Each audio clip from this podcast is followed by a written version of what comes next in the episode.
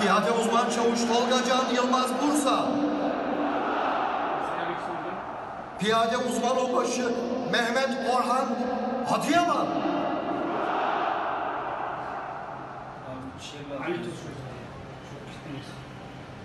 Su versenize Mustafa abi. Süleyman Şahin'den devam et. Piyade Yüzbaşı Süleyman Şahin Afyonkarahisar. Sözleşmeli Erbilhan Er Tekirdağ. Sözleşmeli Ercuma Bağtur Batman. Teğmen Mustafa Bayraktar Hatay. Uzman Çavuş Ali Turgut Uşak. Uzman Çavuş Batuhan Tan Osmaniye.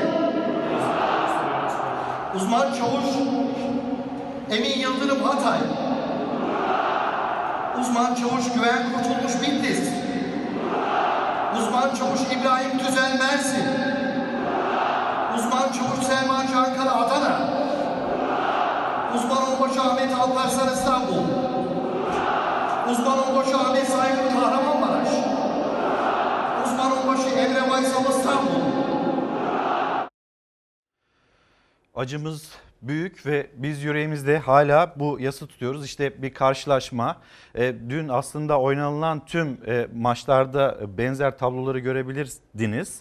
E, Konya Spor, Kasımpaşa karşı karşıya geldiler ve stadın e, anonsçusu, stadın spikeri orada şehitlerimizin isimlerini tek tek saydı ve bütün stat, bütün statta burada diye seslendi ve bütün Türkiye aslında bütün Türkiye'nin yüreğine defnedildi şehitlerimiz.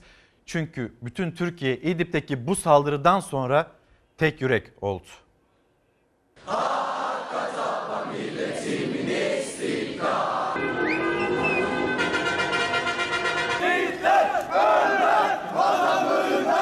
Türkiye Mehmetçiğe de falan hain saldırıya karşı tek yürek oldu. Sokaklardan yükselen tepki de ağızlardan çıkan sözler de ortaktı. Bugünlerde üzerimize düşen vatanımızın ve milletimizin bölünmez bütünlüğünü müdafaa etmektir. Türk bayrağı etrafında toplanan kalabalıklar şehitlere saygı yürüyüşü gerçekleştirdi. Dualar, tekbirler Mehmetçiğe destek sloganlarına karıştı.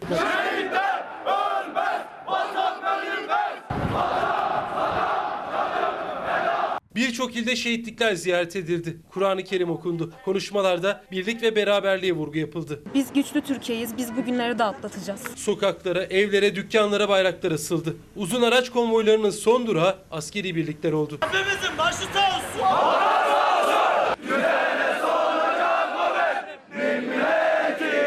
İstanbul'da da şehitlere saygı yürüyüşü yapıldı. Çekmeköy'de yoldan geçen arabalar yürüyüş yapanlara destek verdi.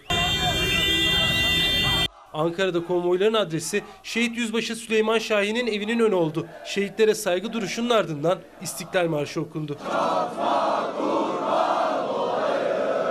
Bolu'dan Erzurum'a, Düzce'den Kahramanmaraş'a kadar birçok ilde benzer görüntüler yaşandı. Türkiye tek yürek oldu. Şehitlerimizin yanında olduğumuzu, askerlerimizin destekçisi olduğumuzu ve bu milletin tek bırakmadığımızı, milletimizin yanımızda olduğumuz için buradayız.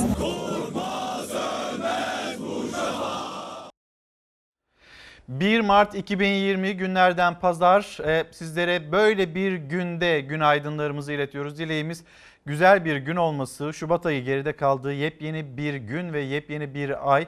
E, Çalar Saat hafta sonunda yeni ayın, yeni günün notlarını paylaşmaya gayret edeceğiz. Geride bıraktığımız ay Şubat ayı maalesef iyi haberler getirmedi. Bu aydan dileğimiz, isteğimiz güzel haberleri duyabileceğimiz bir ay olması. Gazeteler, gazetelerin manşetlerine bakacağız. Türkiye'nin önündeki sıcak konular var. İdlib meselesi var. Şehitlerimiz, şehitlerimizi unutturmayacağız. Şehitlerimizle ilgili siyaset cephesinde kurulan cümleler ya da İdlib harekatı ile ilgili kurulan cümleler. Bunları konuşmak istiyoruz sizinle. Süre vardı, bir süre verilmişti. Cumhurbaşkanı Erdoğan İdlib ve çevresinde yer alan, İdlib'de yer alan gözlem noktalarımızın bulunduğu yerden buradaki işte kuşatma altında onlar Esad rejimi tarafından.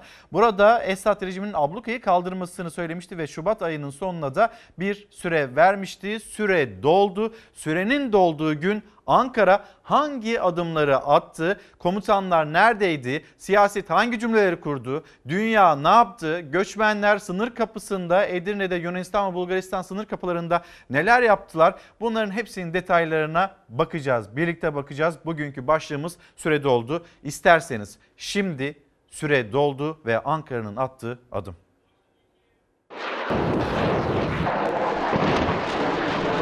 Her geçen gün bu baskıyı artıracak, rejime de onları destekleyenlere de kararlılığımızı göstereceğiz. Türkiye'nin Esad'a verdiği süre doldu. Esad İdlib'de Mehmetçiğin bulunduğu gözlem noktalarının etrafını terk etmedi. Türk Silahlı Kuvvetleri hedefleri hem havadan hem de karadan vurdu. Şubat ayı bitmeden biz bu işi yapacağız. Bunu dostlarımızın desteğiyle gerçekleştirebilirsek memnuniyet duyarız. Yok bu işi zor yoldan yapmamız gerekiyorsa biz ona da varız. Rusya Dışişleri Bakanlığı iki ülkenin İdlib'de gerilimin azaltılması konusunda mutabık kaldığını duyurdu. Ama bölgede tansiyon yüksek. Gözlerse önümüzdeki hafta gerçekleşmesi planlanan Erdoğan-Putin görüşmesinde. Her iki tarafta Birleşmiş Milletler Güvenlik Konseyi tarafından tanınan teröristlerle savaşmaya devam ederken sahadaki gerilimin azaltılmasında ayrıca İdlib gerginliği azaltma bölgesi içindeki ve dışındaki sivillerin korunmasında mutabık kaldılar. Masada diplomasi sürerken İdlib ve çevresinde çatışmalar devam etti. 34 şehidin verildiği saldırının ardından TSK Suriye güçlerine nefes aldırmadı. Özellikle SİHA'lar rejimin kabusu oldu. 3 general, bir kurmay albay çok sayıda asker. İddiaya göre Suriye ordusu ağır kayıplar verdi.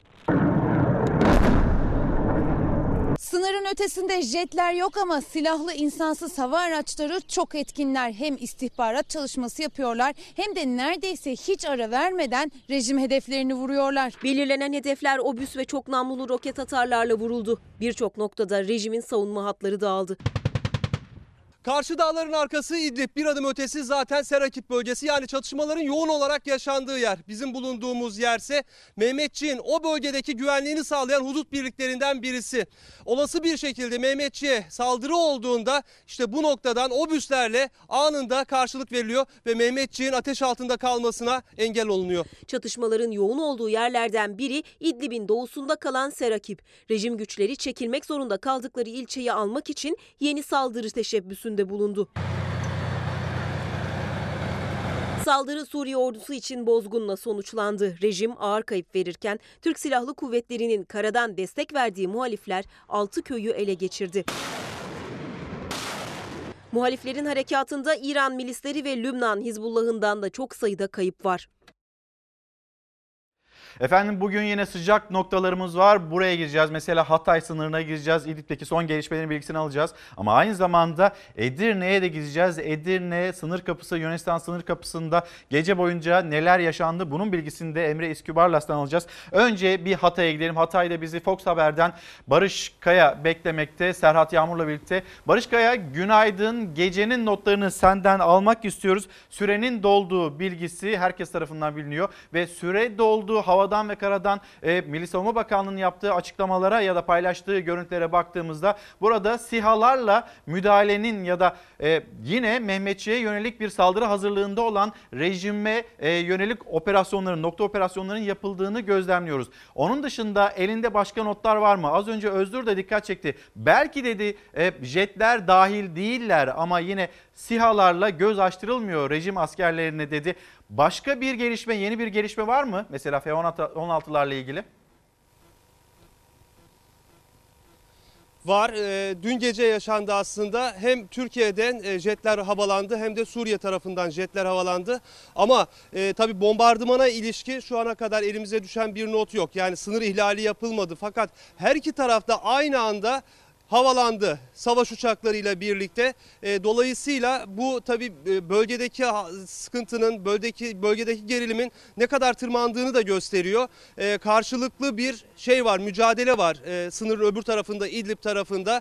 Aslında yeni başlamadı. Ocak ayının başlangıcı itibariyle bu gerilim tırmanmaya başlamıştı. Biraz geriye gidip hatırlayacak olursak önce 5 şehit verdik, ardından 8 şehit verdik ve bölgede o tırmanan tansiyondan, gerilimden sonra e, Türk Silahlı Kuvvetleri'nin bölgedeki faaliyetlerini artırdığını gördük ve Türkiye artık e, sona gelindi sabrımız kalmadı ve e, Şubat 29'a kadar rejim güçleri Soçi mutabakatının bulunduğu sınırlara çekilmezse e, e, elimizden gelenin gereğini yapacağız diye bir açıklama geldi. Ama tam da işte bu açıklama bu süre dolmadan önce e, karşı taraftan Suriye tarafından rejim tarafından Rusya destekli bir hava harekatı gerçekleşti ve o gece 33 askerimizi şehit verdik.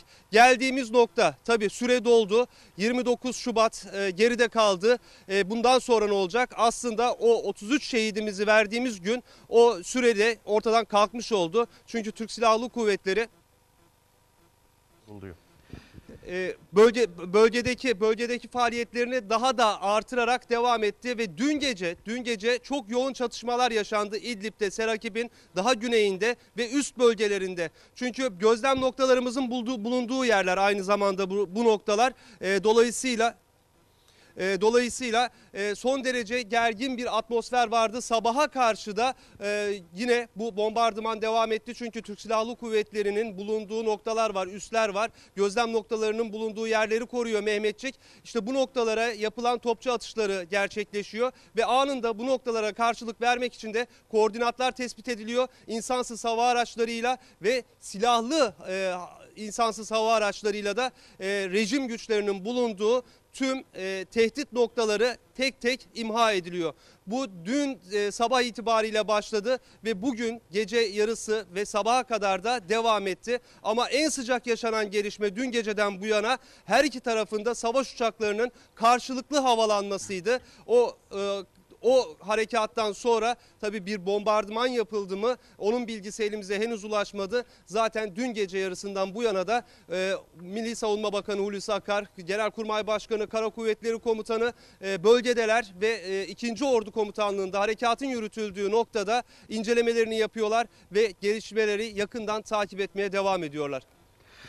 Barış Kaya'ya teşekkürler. Gecenin notlarını paylaştığı yeni günün notları için tekrar sınır bölgesine Barış Kaya'ya, Serhat Yağmur'un olduğu noktaya geri döneceğiz. Bu arada Öznur da bizi yine e, Hatay'da sınır bölgesinde sınırın sıfır noktasında bizi bekliyor. Birkaç haber paylaşacağız. Gecenin sıcak haberleri ondan sonra Öznur'a gideceğiz. Hemen bakalım yeni günün gazeteleri e, 1 Mart 2020 tarihinde Cumhuriyet Gazetesi'nin manşeti. Restlerini sürdüren Erdoğan'ın verdiği süre doldu. Moskova ve Şam'dan çekilme işareti yok. Topal strateji. Cumhurbaşkanı Erdoğan'ın Suriye ordusuna İdlib'deki gözlem noktalarının gerisine çekilmesi için verdiği süre doldu. Bu süreçte hava sahası kapalı İdlib'e askeri yığınak yapan ve rest üzerine rest çeken Türkiye 50'den fazla şehit verdi. Moskova'yı karşısına alamayan ve sahadaki planları tutmayan Erdoğan dün yine Putin'e bizi rejimle baş başa bırakın dediğini söyledi. Dün eski milletvekilleriyle yan yana geldi. Cumhurbaşkanı Erdoğan kameraların karşısına geçti. İdlib saldırısından 34 şehidi vermemizden 36 saat sonra kameraların karşısına geçti ve burada Rusya'yı doğrudan hedef almadı. Rusya'ya sen bizim önümüzden çekil. Bizim meselemiz Esed'le e, ve bu rejimle bu mesajı verdi Cumhurbaşkanı Erdoğan Esad yönetimine, Şam yönetimine başka hangi cümleleri kurdu birazdan aktaracağız. Ankara ve Moskova arasındaki çelişkiler de sürüyor. Rusya Ankara ile sahadaki gerilimin azaltılması teyit edildi açıklamasını yaptı. Birleşmiş Milletler Güvenlik Konseyi'nde koordinat tartışması yaşanırken Rus temsilci 27 Şubat saldırılarında hava desteği sunmadıklarını ileri sürdü. Hava desteği sunmadı ama Şimdi orada koordinatlar var. Rusya'ya verilmiş. 23 Şubat tarihinde Rusya'ya Mehmetçik burada olacak diye koordinatlar verilmiş. Ne yaptı peki Rusya? O koordinatları aldı acaba Esad yönetimine mi Şam yönetimine mi verdi? Bir Soçi mutabakatı var. İran, Rusya, Türkiye bu mutabakatın altına imza attı. O zaman yani bu koordinatlar verilecekse Türk askeri burada olmasın diyorsanız ya da Türk askeri yanlış zamanda yanlış yerde diyorsanız Soçi mutabakatını tanımadığınızı söylüyorsunuz Rusya olarak. O zaman çıkın dünyaya biz Soçi mutabakatını imzaladık ama artık bu e, anlaşma çöptür, yırtılıp atılmıştır tarafımız tarafından demeniz gerekiyor. Eğer bunu söylemiyorsanız Türkiye'nin oradaki mevcudiyetini de Rusya olarak sorgulama e, hakkınız bulunmuyor. Birleşmiş Milletler Güvenlik Konseyi orada kurulan cümleler 27 Şubat saldırılarında hava desteği sunmadıklarını ileri sürmesi Rusya'nın bunların hiçbiri hiçbiri Rusya'yı aklamıyor. Hiçbir şekilde de Rusya'yı bütün bu yaşanılanların dışına çıkartmıyor. Türk temsilci Feridun Sinirlioğlu dün biraz cümlelerine e, bakabilmiştik. Bugün detaylandıracağız. Bilinçli saldırıya Rus jetlerinin de katıldığını ifade etti. Ayrıca radar izleri var ki o radar izleri bize Rusların nasıl bir hamle yaptıklarını anlatacak. Şimdi az önce Barış Kaya da söz etti. Bir onlardan bahsedelim. Dün süre doldu. Dün gece yarısı itibariyle süre doldu. Peki Ankara ne yaptı?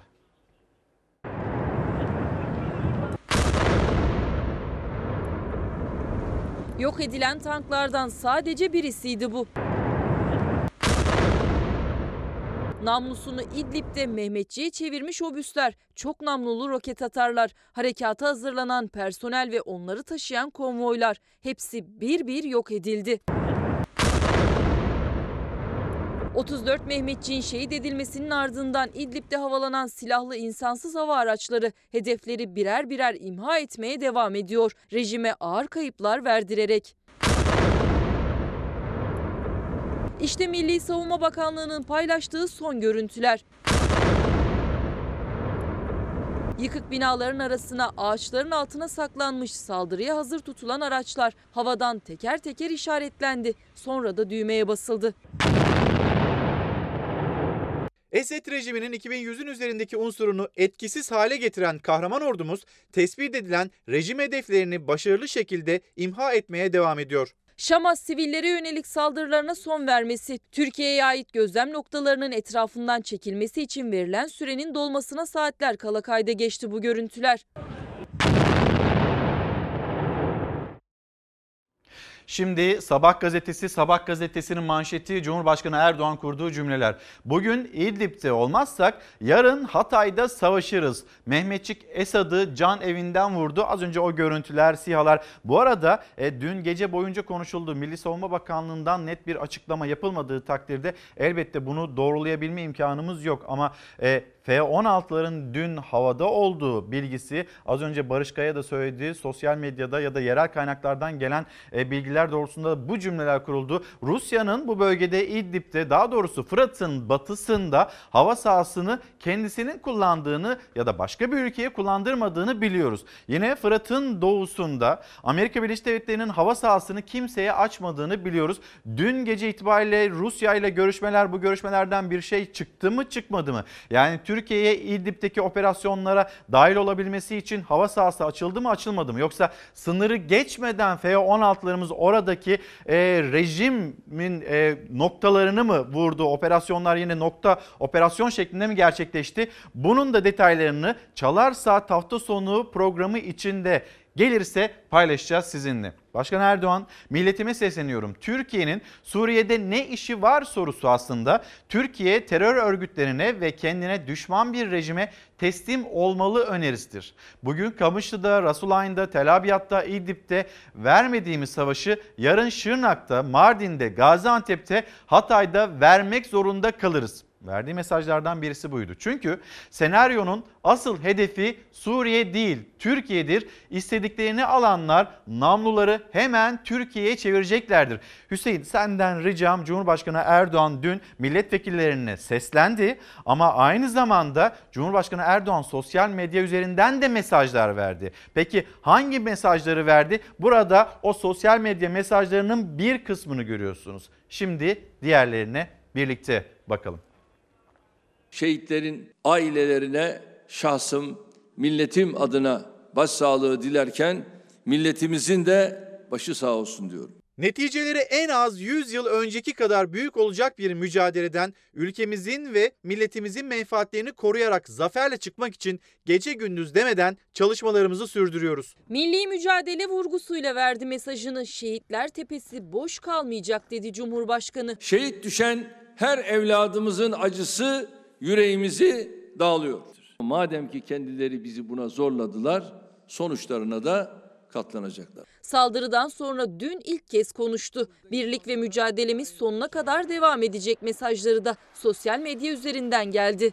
Tarih boyunca hep işgallere, zulümlere maruz kalmış bu coğrafyada mücadeleden bir an geri kaçarsak, bir an birliğimize, beraberliğimize sahip çıkmazsak çok daha büyük bedeller ödeyeceğimizin bilinciyle hareket ediyoruz. İdlib'de verilen mücadelenin zulme karşı olduğunun altını çizdi. Cümleleri restle bitti. Şehitler Tepesi boş değildir. Boş kalmayacaktır. Türkiye hiçbir şehidinin kanını yerde bırakmayacaktır. Ülkemizi köşeye sıkıştıracağını zannedenlere tarihi bir ders vereceğiz. Sözcü gazetesi, Sözcü gazetesi iktidarımızda Şehitler Tepesi boş kalmayacak. CHP lideri Kemal Kılıçdaroğlu'nun cümleleri Cumhurbaşkanı Erdoğan'ın kurduğu cümle Şehitler Tepesi boş kalmayacak ve e, Millet İttifakı'nın iktidarında CHP liderinin karşı yanıtı bizim iktidarımızda Şehitler Tepesi boş kalacak. Kılıçdaroğlu şehitlerimiz var. Yüreğimiz yanıyor. Erdoğan'ın derdi ise benimle dedi ve devam etti. Daha şehitlerimizi toprağa vermeden Erdoğan'ın yaptığı konuşma beni derinden yaraladı. Acı günde bari kavga etmeyelim. Yazık değil mi askerlerimize? Şimdi az önceki cümleleri sosyal medya üzerinden verilen cümleler birlik ve beraberliğe dair. E, hemen bir 10 gün öncesine dönelim. MHP lideri Devlet Bahçeli'ye onun çağrısı e, siyasette bir dalgalandırma, olumlu bir mesaj olarak da algılanmıştı. Şimdi bu şekilde devam etmesi gerektiğini söylüyor. Özellikle kritik durumlarda e, CHP lideri ya şehitlerimiz var. Benimle ilgili niye cümle kuruyorsun? Şehitlerimize yazık değil mi? İşte bunu söylüyor. Erdoğan Şehitler Tepesi boş kalmayacak diyor. Milletime söz veriyorum. Millet İttifakı'nın iktidarında Şehitler Tepesi boş kalacak. Hiçbir askerimizin tırnağına zarar gelmesin istiyorum demekte Kılıçdaroğlu. Cumhurbaşkanı Erdoğan'ın cümleleri birazdan bakacağız. Putin'e dedim ki önümüzden çekilin. Erdoğan Putin'le diyaloğunu anlattı. Rejimle aramızdan çekilin dediğini söyledi. CHP'ye çıkıştı. Liderlerle görüştüm. Ana muhalefetin başı hariç. Neymiş? Onu arayacakmışım. Niye arayayım ya? diye devam etti. Şehitlerimiz ölmedi, devlet adamlığı öldü. Birazdan bu tartışmanın ne olduğunu da sizlerle paylaşacağız. Dün Cumhurbaşkanı Erdoğan işte kameraların karşısına geçti ve bir yandan Trump'la diğer yandan da Putin'le görüşmelerini anlattı. Putin'le görüşmesini Sözcü gazetesi ilk sayfasına taşımış. Trump'la görüşmesi sırasında Trump şunu soruyor Cumhurbaşkanı Erdoğan'a. Yani ne işi var Rusya İdlib'de neden yer alıyor İdlib ve çevresinde diye. Cumhurbaşkanı Erdoğan'ın e, Trump'a yanıtı işte orada enerji sahaları var, enerji havzaları var. Çok mu? Yani sanki Trump bunları bilmiyor da Cumhurbaşkanı Erdoğan'dan orada nerede Suriye topraklarında nerede daha fazla enerji var, e, işte ne bileyim e, doğal gaz var, petrol var. Bunların haberini güya Cumhurbaşkanı Erdoğan'dan alıyor. Böyle bir hava vermeye çalışıyor. Cumhurbaşkanının yanıtı da işte Kamışlı bölgesi var. Kim nereyi kontrol altında tutuyor e, herhalde Ankara'da biliyor. Cumhurbaşkanı Erdoğan da orada diyor ki Deirizor'daki kadar petrol yok ama yine Rusya'nın tuttuğu alan içerisinde de yine e, bu enerji alanlarının bulunduğunu söylüyor. Niye Deirizor örneğini veriyor? Çünkü Deirizor'da terör örgütlerini kendisine jandarma yapan ABD'nin kontrolü altında. Bunu açıkladıktan sonra salonda görüşmeler oluyor ve bu görüşmelerden sonra muhalefette ayağa kalkıyor. İyi Parti sözcüsü Yavuz Ağar Alioğlu sert konuştu. Cumhurbaşkanından açıklama bekledik. Lakin mesuliyetsiz konuşmasına şahit olduk. Şehitler ölmemiştir ama devlet adamlığı, vefa ölmüştür. Aslında Hüseyin çok anlattık. İstersen bu habere bir gidelim. Dün gece Trump diyor ki ya diyor burada Putin'in diyor ne beklentisi var? Ne isteği var? Dedim Kamışlı'da dedim bir petrol olayı bunların var dedim. Ya orada petrol var mı dedi. Orada petrol var dedim. Ama değiliz o kadar değil dedim. Tuzun koktuğu yerde ne söylenir ya? Emin olun çok üzgünüm. Ya cenazeler defnedilmeden bu nasıl bir konuşmadır? Daha acılar yaralar sarılmadan bu nasıl kahkahadır? Sayın Cumhurbaşkanı'nın konuşmasında görülmüştür ki şehitler ölmez ama devletin dili ölmüştür. Şehitler ölmemiştir ama devletin edebi ölmüştür. Merhamet ölmüştür. İdlib şehitleri nedeniyle siyasetin tüm tartışmaları rafa kalkmıştı. Ama Cumhurbaşkanı'nın yaptığı konuşmada sarf ettiği sözler, gezi olaylarını gündeme getirmesi, muhalefete yönelik eleştirileri CHP ve İyi Parti cephesinde yankılandı. 500 metre ötede Bezmi Alem Valide Sultan Camii'ni 3 gün 3 gece işgal ettiler. Bugün hükümetin kalpsizliğini onlara hatırlatma günü. Sayın Cumhurbaşkanımız bizim 36 şehidimiz var. Gün boyu sürekli liderlerle görüşmelerimiz oldu. Ana muhalefetin başı hariç. O arama lütfunda bulunmadı. Neymiş ben onu arayacakmışım.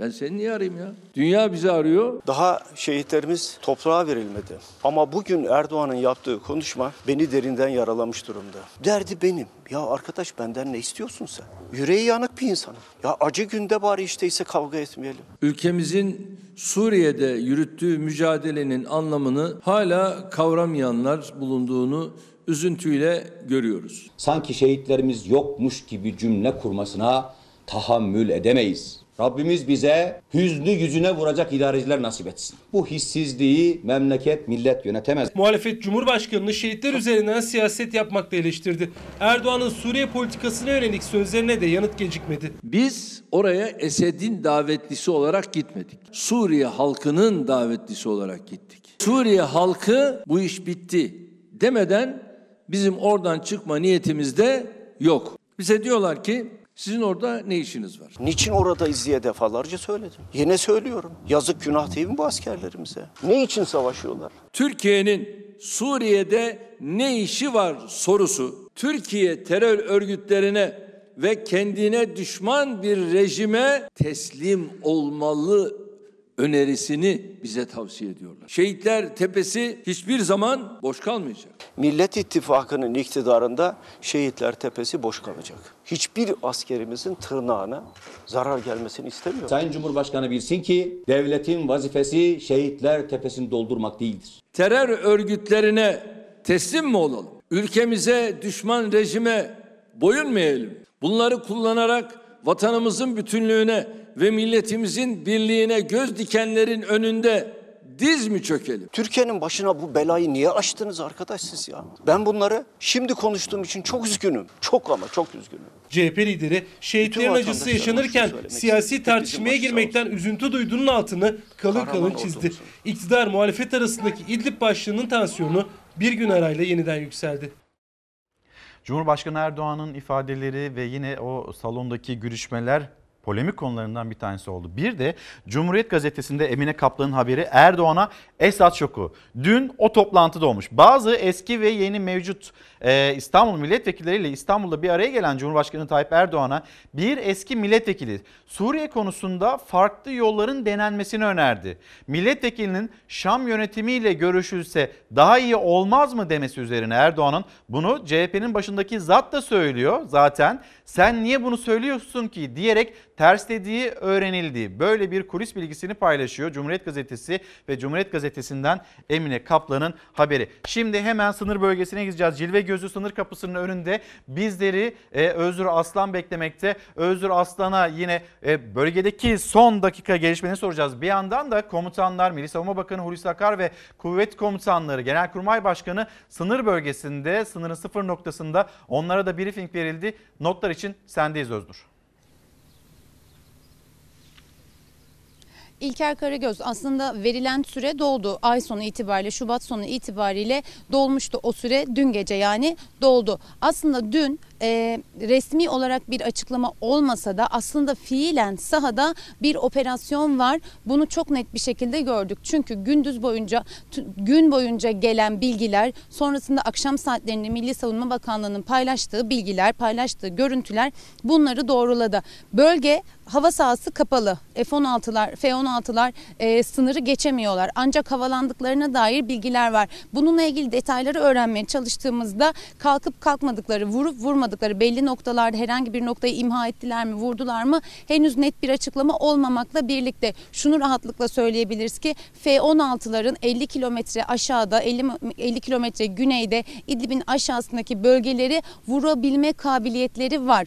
Dolayısıyla sınırı geçmeden de Türkiye hava sahasını geçmeden, Suriye hava sahasını girmeden de bu bölgeleri vurabilirler. Ama vurdular mı, vurmadılar mı? F-16'lar bu operasyonda kullanılmaya başlandı mı? Henüz kesin bir bilgi yok, net bir açıklama yok. Bununla ilgili Milli Savunma Bakanlığı'ndan gelecek açıklamaları bekliyoruz. Ama SİHA'lar devrede. En çok sorulan sorulardan biri dünden beri hava sahası kapalıysa SİHA'lar nasıl bölgede, SİHA'lar nasıl operasyona dahil oldular? SİHA'lar F-16'lara göre daha küçük uçaklar ve aslında hayalet diyebileceğimiz e, kapasitede sessiz ilerleyebilen ve daha yüksekten ilerleyebilen uçaklar. Dolayısıyla da tespit edilmesi hava savunma sistemleri tarafından tespit edilmesi çok zor olan savunma araçları. Dolayısıyla da e, SİHA'lar bu operasyonda kullanıldı. Hatta belki de dünyada ilk SİHA'ların bu kadar yoğun bir şekilde bir operasyonda kullanılmaya başlamış olması çok sayıda çok sayıda hedefi imha ettiler. Aslında şunu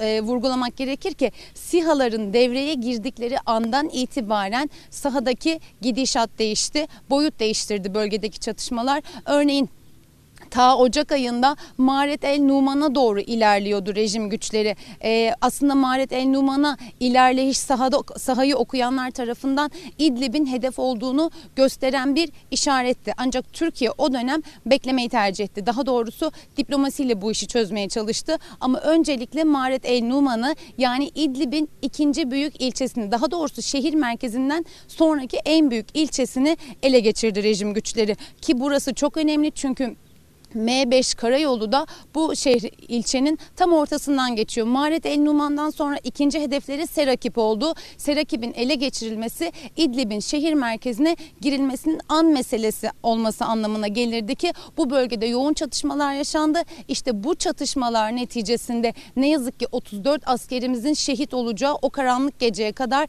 ilerledi süreç ama sonrasında o şehit haberlerinin ardından o acı haberlerin ardından aslında en başta da dediğim gibi sahada fiilen bir operasyon var. Çatışma güçlendi, çatışma ilerledi, SİHA'lar devreye girdi. Çatışmanın alanı genişledi. Bu zamana kadar belli noktalarda eğer Serakip'te ise çatışma Serakip'te sürüyordu. Aynı anda birkaç farklı noktada birkaç farklı ilçede çatışma yaşanmıyordu. Ama son iki gündür hem Serakip bölgesinde hem Maret El Numan'da çatışmalar yaşanıyor. Ama sadece İdlib'de değil yaşananlar Halep'te de yaşananlar var. E, SİHA'lar sadece İdlib'de devrede değiller, Halep'te de devredeler. Halep'ten özellikle Esad'ın e, sağ kolu diyebileceğimiz dört kritik isimin toplantı halinde olduğu nokta vuruldu. Bu dört kritik isim İdlib'deki operasyonlarını, İdlib'e girişlerini yönetiyordu Esad güçlerinin. İşte onlar toplantı halindeyken SİHA'lar o bölgeyi de vurdular. Aynı zamanda e, Rusya'nın uçaklarının kalktığı, Esad'ın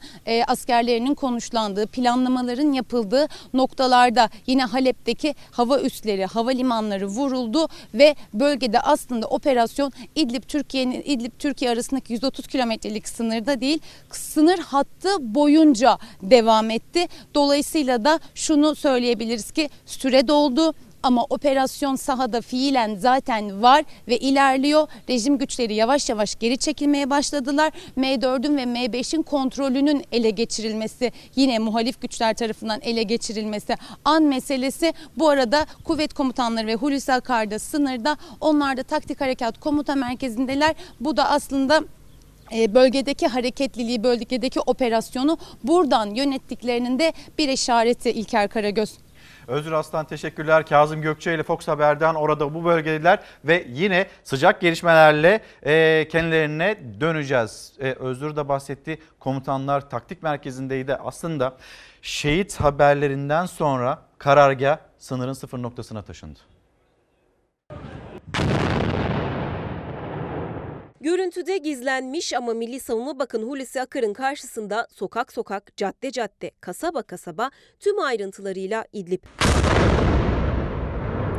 34 şehit haberi üzerine karargah sınıra taşındı. Rejimin attığı her adım artık sıfır noktasından takip ediliyor. Milli Savunma Bakanı geceyi yine taktik toplantılarla geçirdi. Haritalar İdlib'in komuta merkezinde açıldı. Akar'ın yanında Genelkurmay Başkanı Yaşar Güler, Kara Kuvvetleri Komutanı Ümit Dündar ve Hava Kuvvetleri Komutanı Hasan Küçükakgüz vardı. İkinci Ordu Komutanı Kor General Sinan Yayla SİHA atışlarıyla manevra unsurlarının faaliyetlerinin bilgisini verdi komuta kademesine. Birliklerin durumunu denetleyen Akar atılacak yeni adımların işaretlemelerini de bizzat yaptı. Ve Sözcü gazetesi ateş düştüğü yere yakıyor. Türkiye şehitlerini gözyaşlarıyla uğurladı. İdlib'deki kahpe saldırıda şehit düşen 34 askerimizin acısı yürekleri yaktı. Anneler, babalar, eşler, kardeşler ve evlatların gözyaşları sel olup aktı.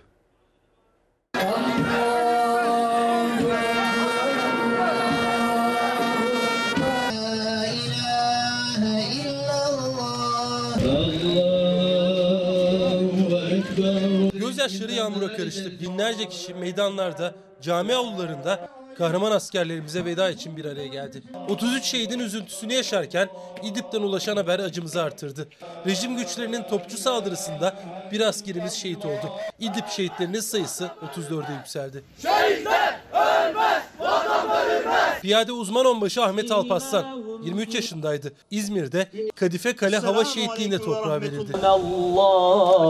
Piyade uzman onbaşı Emin Yıldırım 25, Piyade Teğmen Mustafa Bayraktar 29, Sağlık Assubay Çavuş Muhammed Ali Özer 25 yaşındaydı. Hatay 3 şehidini yağmur altında sonsuzluğa uğurladı. Ruhu için El Fatiha. 29 yaşındaki piyade uzman onbaşı Tayfun Pekel son konuşmalarında yeğenine hakkınızı helal edin demişti. Söz hazırlığı yapıyordu. Dünyaya ait Tayfun kardeşimizle alakalı olarak hak ve hukukunuzu helal ediyor musunuz? Allahu Ekber, Allahu Ekber, Allahu Ekber. Piyade uzman onbaşı Ali Taşöz'ü uğurlamaya gelen kalabalık meydana sığmadı. Kayseri'nin Develi ilçesinde toprağa verildi. Piyade uzman çavuş Tolga Can Yılmaz 10 gün önce ailesinden helallik istemişti. Zonguldak, Çaycuma şehidini ağladı. Piyade uzman çavuş Ali Turgut Uşak'ın Banaz ilçesinden uğurlandı. Yaşlı annesiyle babası şehit oğullarına kar yağışı altında veda etti. Uzman çavuş Selman Cankara Adanalıydı. Evli bir çocuk babasıydı.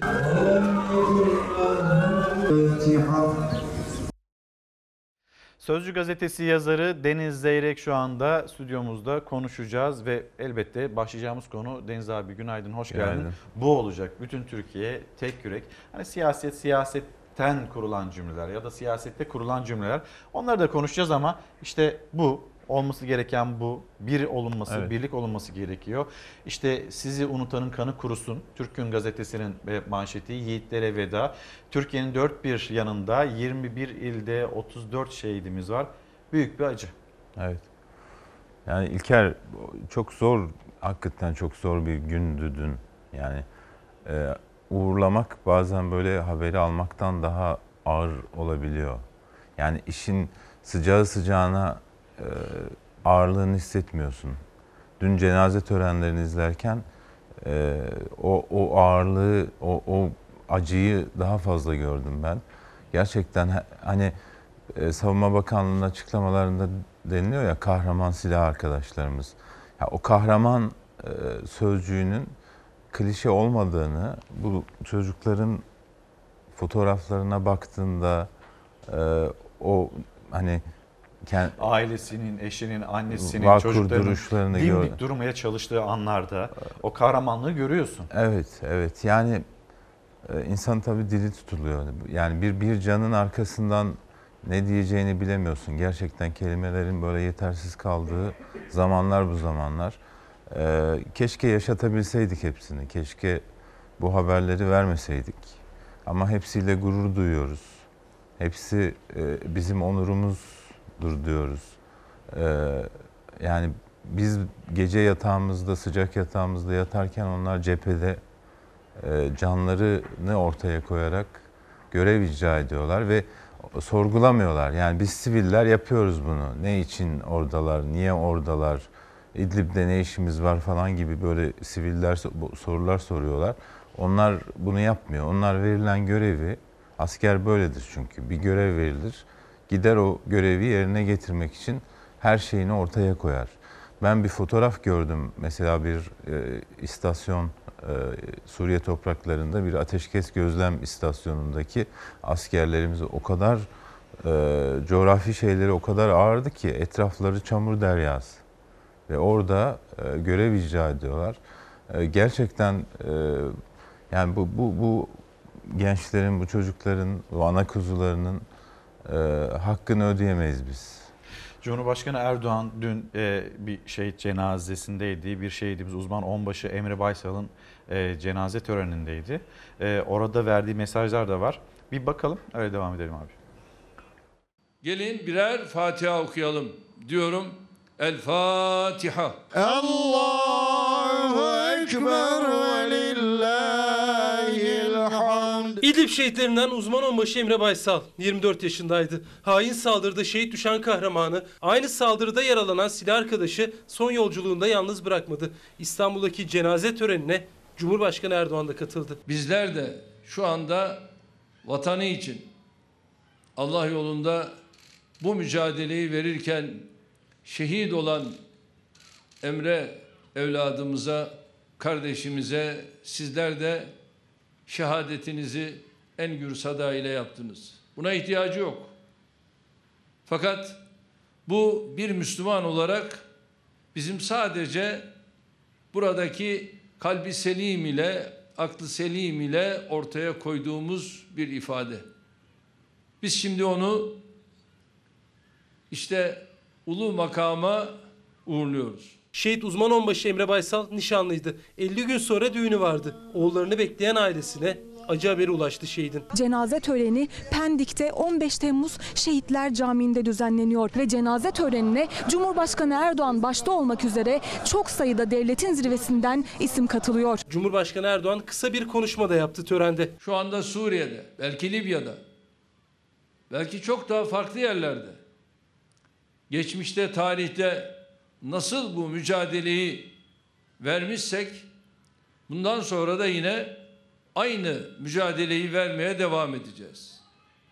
Şunu bilmemiz lazım ki Şehitler Tepesi hiçbir zaman boş değildir, boş kalmayacaktır. Şehidin Konya'da vatani görevini yerine getiren kardeşi de cenaze törenindeydi. Acılı babası ise güçlükle ayakta durabildi. Düzenlenen törenin ardından vatan toprağına emanet edildi İdlib şehidi Emre Baysal. Haklarınızı helal ettiniz mi?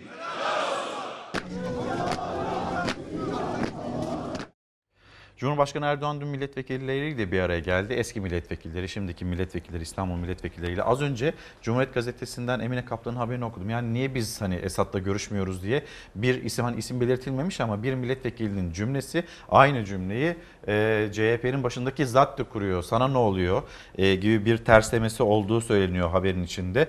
Biz mücadelemize devam edeceğiz. Kararlılıkla devam edeceğiz. Yine verdiği açıklamalardan, yaptığı açıklamalardan bir tanesi.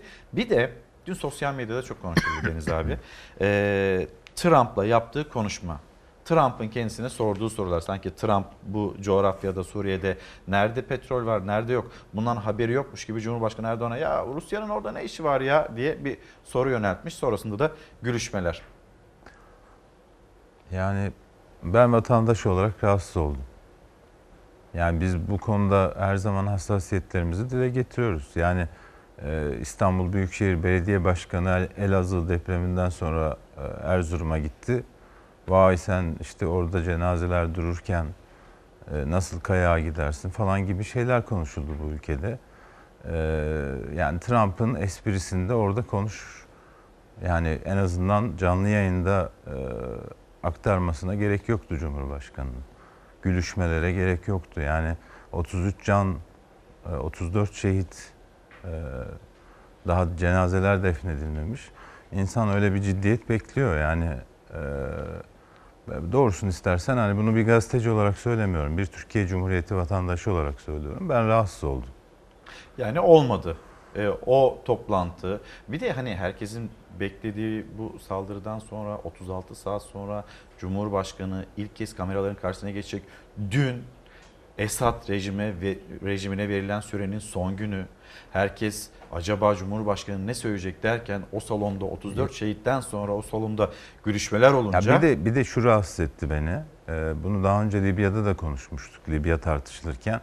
Yani Kamışlı'da petrol var. Bana ne Kamışlı'daki petrolden? Yani bana ne Trump'ın petrol ilgisinden? Ben ben şu anda onlarla ilgilenmiyorum.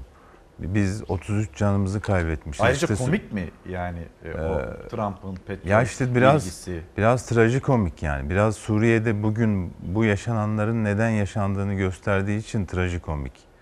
Yani adam açık açık Trump e, açık açık itiraf ediyor petrol için orada olduğunu. Petrol için orada olduğunu söylüyor.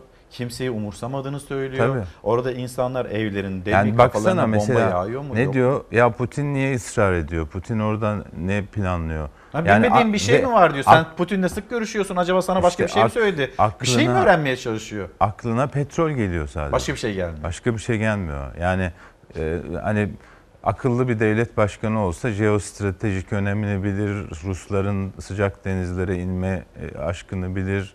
Hani Doğu Akdeniz'de e, mevzi kazanma isteğini bilir. Yani Trump bunlardan bir haber olduğu için aklına direkt para ve petrol geliyor. Sıcak denizler deyince onun aklına hani bir tatile gitme hani böyle böyle bir Evet, bakış evet, açısıyla evet. yaklaşıyor. Yani- ne kadar para harcayacağız? Para harcayacak mıyız, harcamayacak mıyız? Ne kadar Tabii, kazanacağız? benim otelim var mı orada Ha, kalabileceğim ya o, o falan. işlere Öyle bir- bakıyor. öyle bir şey var. Şimdi şöyle yapalım. Yani Trump bunları söylüyor. Mesela şunu şununla ilgilenmiyor. Sınır kapısında insanlar var mı? Onlar kamplarda nasıl yaşıyorlar? Tabii, Çamurun tabii. içindeler mi? Umrunda değil. Üşüyerek yaşamlarını yitiriyorlar mı? Umrunda Denizi değil. geçmeye çalışırken yaşamını yitirmeye yitirenler var mı? Yeni bir dünya arıyorlar Ya mı? Biz kızıyoruz Avrupa Birliği'ne. Destek olmuyorlar gö- göçmenler konusunda. Amerika'nın zerre kadar desteği yok. Bir sınıra gidelim Deniz abi. Evet. Bir Edirne sınırına gidelim. Edirne sınırında mülteciler, onların yaşadıkları sıkıntılar. Burası yine hareketlendi abi.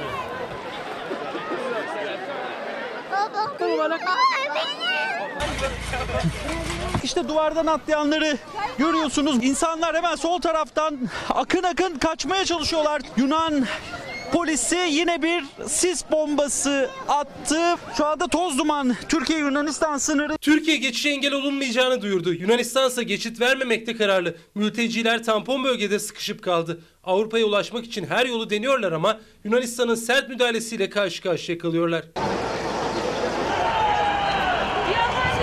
Tel örgülere tırmanan da var, otelleri parçalayıp geçmeye çalışan da. Bulgaristan ilk andan itibaren net bir dille mülteci kabul etmeyeceğini açıklamıştı. Göçmenler Yunanistan sınırının yolunu tuttu. En hareketli nokta Edirne'deki Pazar Kule sınır kapısı. Sabahın ilk ışıklarında Pazar Kule sınır kapısının çevresinde mülteci sayısı inanılmaz bir şekilde arttı. İşte yol kenarlarında ormanlık alanda binlerce mülteci var. O bekleyiş kısa süre sonra yerini Yunanistan'ın yoğun müdahalesine bıraktı. Tel örgülere yönelen mültecileri ses bombasıyla uzaklaştırmaya çalıştı Yunan polisi. Zaman zaman silah sesi de yankılandı sınırda. Burası yine. Ateş sesleri havaya ateş ediyorlar. Mültecilerin sesleri geliyor çünkü Yunan polisi burada o mülteciler tel örgüleri az önce yıktılar. Oraya geçmesinler diye aslında biber gazı, ses bombası ve havaya ateş açtıklarını da düşünüyorum. Kalabalığın ortasında ezilen, gazdan en çok etkilenen ve korkan çocuklar oldu. İşte yan tarafta genci yaşlısı binlerce mülteci burada. İşte bir çocuk zaten ne yazık ki olan hep çocukları oluyor. Fenalaşan küçük bir çocuk hemen yere yatırıldı. Bir başka çocuksa ona kendince yardım etmeye çalıştı.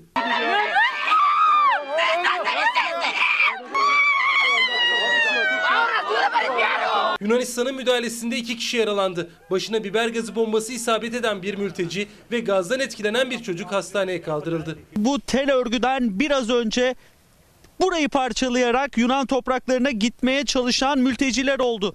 İşte görüyorsunuz hemen birkaç adım ötemiz Yunan toprakları ki zaten hemen yan tarafta da göreceksiniz Yunan devriyesi burada, polis ekipleri burada. Bazı mülteciler tel örgüleri geçmeyi başardı. Yunanistan ise önlemleri artırdı. Bakın mülteciler işte bu noktayı bu şekilde tel örgüyü parçalayarak karşıya geçmeye çalışmış ki hemen tel örgünün karşı tarafında bir mültecinin battaniyesi var. Onun yanında da polis. Buradan fazla bir giriş olmasın diye daha fazla giriş olmasın diye bu şekilde ekip aracıyla bekliyor. Sınırı aşmak için bekleyen mültecilerin en önemli sorunuysa açlık ve susuzluk. Soğuk kadar açlık ve susuzluk da etkiliyor mültecileri. Bir dernek yardım yapmak için buraya geldi.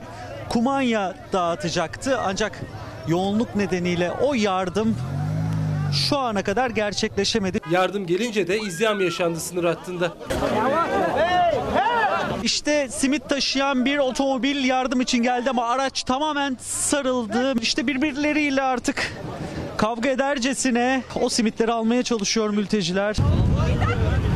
Araçlar bölgeden uzaklaşmak zorunda kaldı. Umut nedir bilmeden bekleyen küçük çocuklarsa açlıkla ve soğukla mücadeleyi küçük yaşta öğrenmek zorunda kaldı. Hiç kuşkusuz en büyük zorluğu çocuklar yaşıyor. İşte mültecilerin çocukları onlar tampon bölgede kendilerine bir oyun alanı oluşturdu. İşte toprağı çizerek, oyunlar oynayarak aileleriyle birlikte Yunanistan tarafına geçmek için bekliyorlar. Pazar Kule sınır kapısındayız. Emre Eskübarlas bizi bekliyor Yunanistan sınırında ve yine Fox Haber'den Kenan Özcan'la birlikte. Dün maalesef yayınımızı bir an kesmek durumunda kaldık. Bir tepkiyle de karşılaşmıştı Emre de Kenan abi de. Emre son notları senden almak istiyoruz. Dün arkan çok kalabalıktı. Şu anda çok fazla e, bir göçmen ya da bir hareketlilik gözlemleyemiyoruz. Biraz onu da anlatır mısın? Dün başınıza neler geldi? Bir kez daha geçmiş olsun diyerek onları da bize ne paylaşırsan sevinirim. İlker Karagöz günaydın diyelim sınırdan Yunanistan sınırından. Evet dün tansiyon biraz yükselmişti aslında sinirler de çok gergin.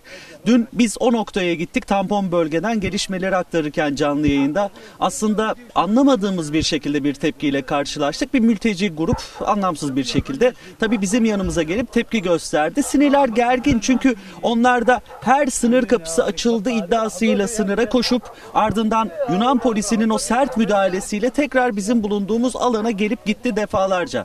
Tabii normal karşılamak gerekiyor bu sinirlerin gerilmesini. Neyse ki hiçbir sorun yok. Biz haberlerimizi aktarmaya devam ettik. Evet biz farklı bir noktadayız. Şu anda bir köy yolundayız.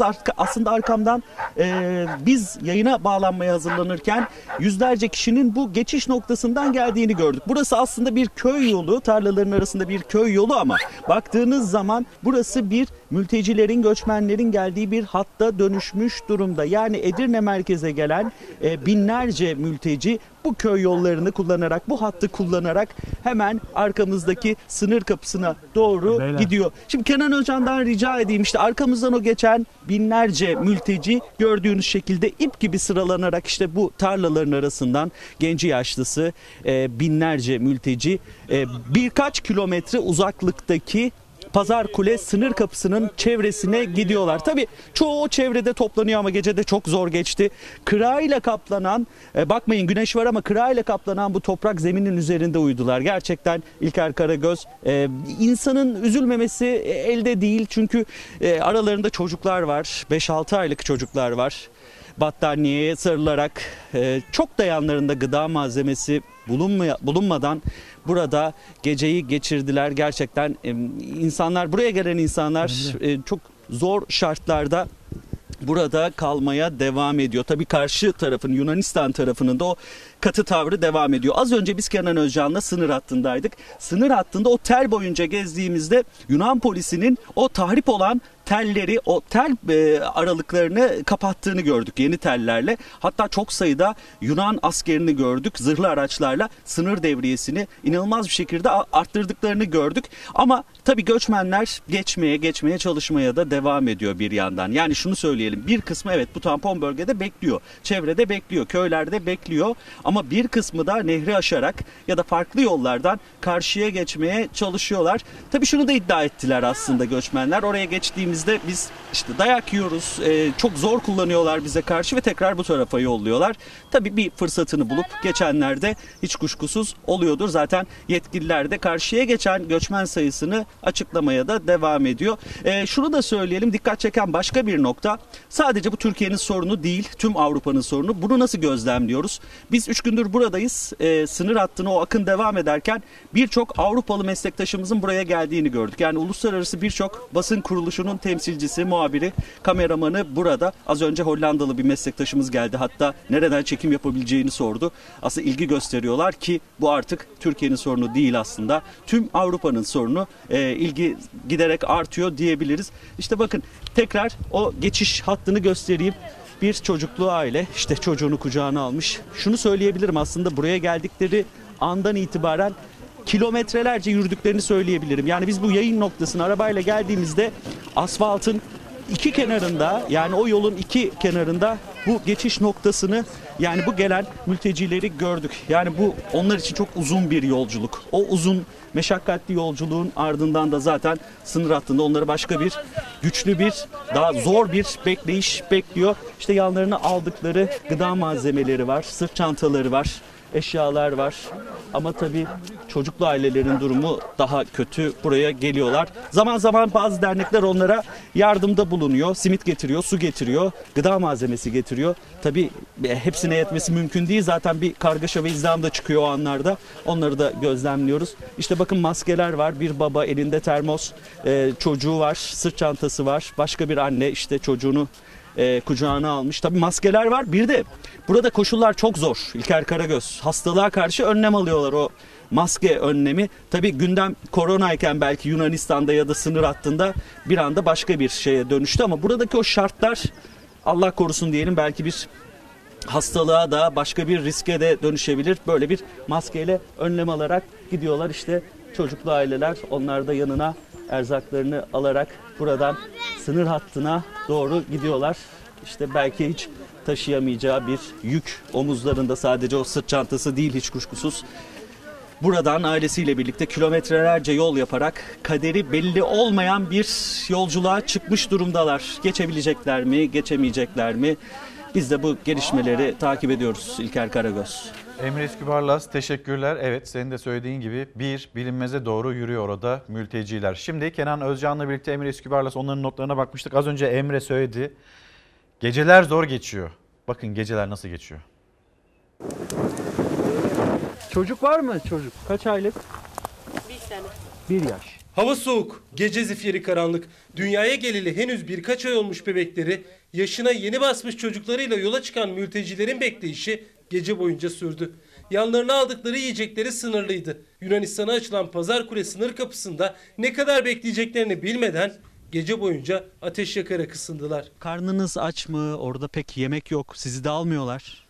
Evet öyle tabii Ee, yani yiyecek içecek hiçbir şeyimiz yok yani öyle çıktık biz de yola gitmek istiyoruz. Biber gaz atıyor. Aslında ona rağmen yine de gidiyoruz yani mecburuz çünkü. Yunanistan mültecileri ülkelerine sokmuyor. Yunanistan'a giremeyen, kapıdan geçemeyen mülteciler için Edirne'de, tarlada şartlar çok zor. Gece vakti işte Suriyeli bir aile bir yaşındaki çocuklarıyla birlikte tarlanın ortasında, sınırın hemen yanında ateşin başında ısınmaya çalışıyorlar. Ses bombası attılar. Evet. Yani şimdi ona rağmen gidiyorsunuz gecenin bu vakti. İlla ki ge- geçmemiz lazım. Yunanistan tampon bölgede jiletli tellerle barikat kurdu.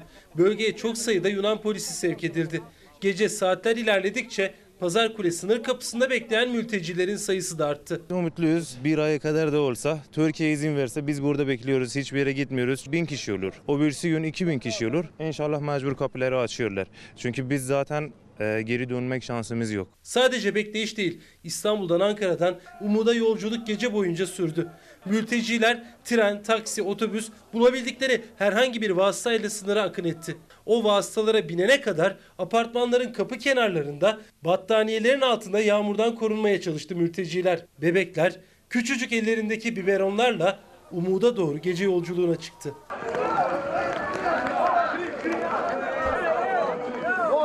Dokuz çocuk bunlar. Biz burada bekliyoruz sabana kadar. Yağmur yağıyor. Çocuğumuz üşüdü. Biz Çocuğunuz yatıyor mu şu anda? Evet şu anda yatıyor biri. miyiz? Heh, üşüdü yatıyor. Kaç kişi geldiniz? Taksimetre açıyoruz. 830 lira, 850 lira falan yazıyor. Gece rüzgarlı ve yağışlıydı. Bebeklerini soğuktan korumak için sarıp sarmaladı aileler. Zorlu yolculukta gecenin karanlığında küçükler sadece ıslanan bedenleriyle değil yaşlı gözleriyle ne olduğunu anlamaya çalıştı.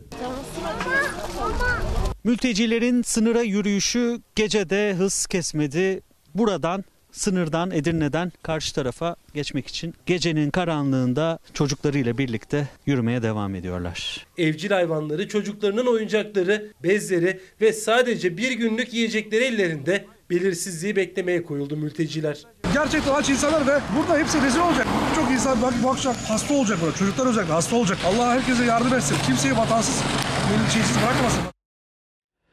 Soğukta titreyen çocuklar, insanlar yağmur altında Emre anlattı. İşte soğuk inanılmaz bir soğuk. Bilinmezlik e, yolculuğundalar. Yeni bir hayat kurabilmenin, çocuklarını, kendilerini yaşatabilmenin derdindeler. Bunu fırsat bilen bazı kaçakçılar onları konuşacağız. İçişleri Bakanı Süleyman Soylu onun açıklamaları var. E, dün itibariyle sınır kapısına kaç kişinin gittiği. Deniz abi bir mola verelim reklamlara gidelim. Döndüğümüzde aynı zamanda Fatih Altaylı dün yazmıştı bu yazıyı paylaşamamıştık. Hem Fatih Altaylı'nın hem de gazeteci Erhan Karadağ'ın e, yazıları var. Yazılarından da alıntı yapacağız. Bir mola verelim burada buluşalım. Efendim bir kez daha günaydın devam ediyoruz. Bir gün gazetesi manşeti ve yine Deniz Zeyre'ye soracağız. Sınırda ne olduğunu, bu yaşanılan trajedi, insanlık trajedisi bununla ilgili aslında ne yapılabileceğini. İdlib'de 34 askerin yaşamını yitirmesinin ardından sınır kapılarının açılması insanlık dramını da beraberine getirdi. Sınırda bekleyenler açlık ve hastalıklarla baş başa kaldı. Bu durumu fırsat bilenlerse göçmenlerle adeta can pazarlığı yapıyorlar. Şimdi Deniz abi haberlerden bir tanesi bu. Bir de Cumhuriyet gazetesinde bunun bir pahası var, bunun bir bedeli var. Büyükler için 800 dolar, küçükler için de 400 dolar denilmekte. Cumhuriyet gazetesi de bir başka trajediyi, meselenin farklı bir boyutunu haberleştirmiş. Büyükler 800, küçükler 400 dolar. Türkiye'nin İdlib krizine Avrupa'yı da çekmek için koz olarak kullandığı sığınmacıların göç yollarının açılmasının ardından akın ettiği batı sınır hattında yeni dramlar başladı. Sınırları kapatan batı da iki yüzlü davranırken umut yolculuğuna çıkan göçmenler insan kaçakçılarının pençesine düştü. Şimdi meselenin bir bu boyutu var bir de yeniden bir hayat kurmaya çalışan insanlar boyutu var. İçişleri Bakanı Süleyman Soylu cümlelerine bakalım öyle konuşalım lütfen. Buyurun. Ne dedik aylar önce? Eğer bu böyle giderse biz kapıları açmak zorunda kalacağız. Rahatsız oldular. İnanmadılar bizim bu söylediklerimize. Ve biz de dün ne yaptık? Kapıları açtık ve şimdi bu sabah itibariyle yaklaşık 18 bin oldu kapıları zorlayıp geçenler ama bugün herhalde 25 bin 30 bini bulabilir. Cumhurbaşkanı 30 bini bulabilir demişti. İçişleri Bakanı Süleyman Soylu sınırı geçen göçmen sayısının 23 Eylül itibariyle 50 bine yaklaştığını açıkladı. Biz bu kapıları bundan sonraki süreçte de kapatmayacağız ve bu devam edecek. İdlib'deki hain saldırı sonrası geldi Ankara'nın göçmen hamlesi. Söz verip tutmayan Avrupa'ya resti çekti Cumhurbaşkanı. Sınır kapılarını kapatmayacağız dedi. Yunanistan ve Bulgaristan alarma geçti. Sınırda önlemleri arttırmaya başladı. Erdoğan Türkiye'nin 3 milyon 700 bin Suriyeliyi barındırdığını söyledi. Ülkenin yeni bir göç dalgasını kaldıracak durumda olmadığını da Almanya Başbakanı Merkel'le defalarca konuştuğunu anlattı. Aradım tekrar şansölyeyi. Para hazır dedi. Dedim hazır olan paranız buraya gelmiyor. Eğer bunu verecekseniz verin. Vermeyecekseniz o zaman bu mültecileri biz size gönderelim. Biz 25 değil size 100 milyon avro gönderelim. Erdoğan Merkel'in bu teklifi kabul etmediğini açıkladı. Ben dedi onu da istemem dedi. E onu istemiyorsanız dedim niye Birleşmiş Milletler'e gönderiyorsun bu parayı? Bunu direkt bize gönder. Ben sizin pratik olmanızı istiyorum dedim. Göçmenlerse akın akın Yunanistan ve Bulgaristan sınırlarına gidiyor. Avrupa panikte. Yunan hükümeti acil gündemle toplandı. Başbakan Miçotakis Suriye'de yaşananların sorumlusunun Yunanistan'ın olmadığını söyledi. Yasa dışı hiçbir girişe izin verilmeyeceğini de.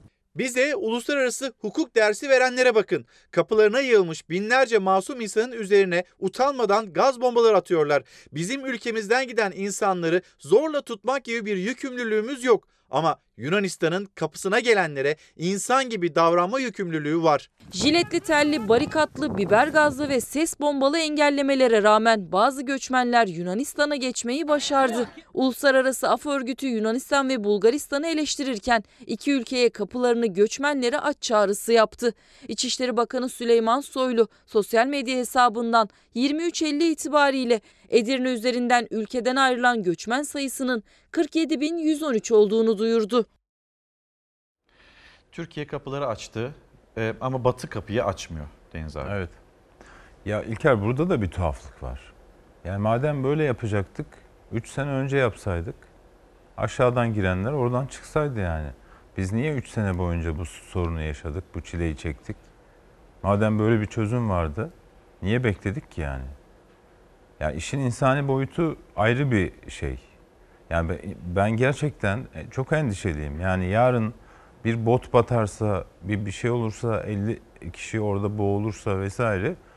Hani bırak devletleri, devlet yani ülkelerin liderlerini vesaire. E, hani bu konuda vicdanları olan insanların e, yapacağı yorumları kestirebiliyorum üç aşağı beş yukarı. Yani bu bu işte Erhan'ın yazısının başlığında olduğu gibi bari denizden izin vermeyin. Çoluk çocuk kaçırıyor. Yani çoluk çocuk gidiyor, boğuluyorlar. Deniz denize dökülüyorlar. Zaten Yunan tarafı gerçekten çok acımasız. Yani neler yapıyorlar bir görsen botları batırıyorlar, kaderlerine terk ediyorlar denizin ortasında. Yani bu bu insanların günahı ne? Ben bu kısmını şey yapamıyorum. Yani e, 47 bin kişi geçti. Ya geri kalanlar işte demin izledik görüntüleri çocuk bayılmış orada. Herkes panik halinde çığlık atıyor. Dudakları titriyor Tabii soğuktan. bu soğukta yani e, şu havalarda hipotermi şeyi çok yüksektir yani süresi çok kısadır. Denize düştüğün zaman gece hipotermiden gidersin. Kan dolaşımı yavaşlar. E, Sahil Güvenlik Komutanlığı bize bu konuda zaman zaman briefingler vermişti. Belki sen de denk gelmişsindir. E, çok riskli, çok tehlikeli. Yani e, biz Avrupa'ya ne diyorsak haklıyız. Amerika'ya ne diyorsak haklıyız ama o insanların, o çocukların günahı ne? Ya biraz böyle bakış açımızı vicdanımızla o insanlara, o kurbanlara çevirmemiz lazım. Yani Fa- özür dilerim abi buyur. Yunanistan'ı cezalandıracağız diye o, o insanları, o çocukları şey yapmamak lazım. Fatih Altaylı'nın yazısı. Ahlaki üstünlüğümüzü ne olursa olsun bugüne kadar koruduk. Bugüne kadar koruduk diyor. Mesela işte kan içip kızılcık şurubu içtik deme pahasına. İşte kendi memleketimizde işsizliği hortlatacak deme pahasına Tabii. biz bunları yaptık. Esad katilinden koruduğumuzu iddia ettiğimiz kişiler şimdi kışın ortasında derme çatma botlarla soğuk denizdeler. Bu fikir kimden çıktı ama bu kararı alanlara söylettiği şu. Bugüne kadar sığınmacılarla ilgili söylediğimiz hiçbir şeyde samimi değildik. Fatih Altaylı'nın dünkü e, cümleleri bu şekilde. İşte tam da bunu kastettim ben. Yani üç buçuk senedir o zaman biz niye göğsümüzü gere gere e, bunu söylüyoruz? Avrupa sırtını çevirdi, Amerika sırtını çevirdi. Türkiye dışında hiç kimse bu insanlık dramında elini taşın altına sokmadı. Bunları gururla söylemedik mi biz? Kendi insanımız işsizken 33 milyar lirayı mülteciler için, Suriyeli göçmenler için harcadık diye göğsümüzü gere gere gu- gururla söylemedik mi? E şimdi ne oluyor? Yani bu bir başka bir insanlık dramı yaşanıyor. Bunun evet muhatabı Suri şey Yunanistan gibi görünüyor, Avrupa gibi görünüyor ama kurbanı var, insanlar var. Ve o, o Fatih Altaylı'nın dikkat çektiği o ahlaki üstünlük çok önemli. Biz biz hep o ahlaki üstünlükte gurur duyduk. Biz ekmeğimizi bölüştük. Ekmeğimizi bölüşmek bizim açımızdan ahlaki bir üstünlüktü ve onu yaptığımız için de gurur duyduk. Şimdi şimdi ne oldu? Yani Yunanistan'a kızdık, mültecileri kapıya döktük. Ama işte görüntüler ortada. Erhan Kara'dan yazısını- bu bu Ha. çok özür diliyorum. Bu Yunanistan'ın Avrupa'nın iki yüzlülüğünü kapatmaz. O ayrı bir şey. Evet. Ama biz kendi Türkiye Cumhuriyeti olarak ne diyoruz Suriye'de? Niye Suriye'deyiz? Esad kendi Bu halkına bir barış planı. Esad diyoruz. kendi halkına zulmetmesin diye Suriye'deyiz değil mi? Evet. E o zaman bu insanların, o zulümden kaçan insanların başka bir zulüm yaşamasına göz yummamak lazım. Yani o Türkiye ne diyorlardı? Ensar. Ensar Şimdi biz ensar, muhacirlik. ensar olmaktan vaz mı geçtik biz? Artık ensar değil miyiz? Muhacirler karşısında ensar olma özelliğimizi kayıp mı ettik? Ha ben ben insani boyutuyla bakıyorum. Haklı.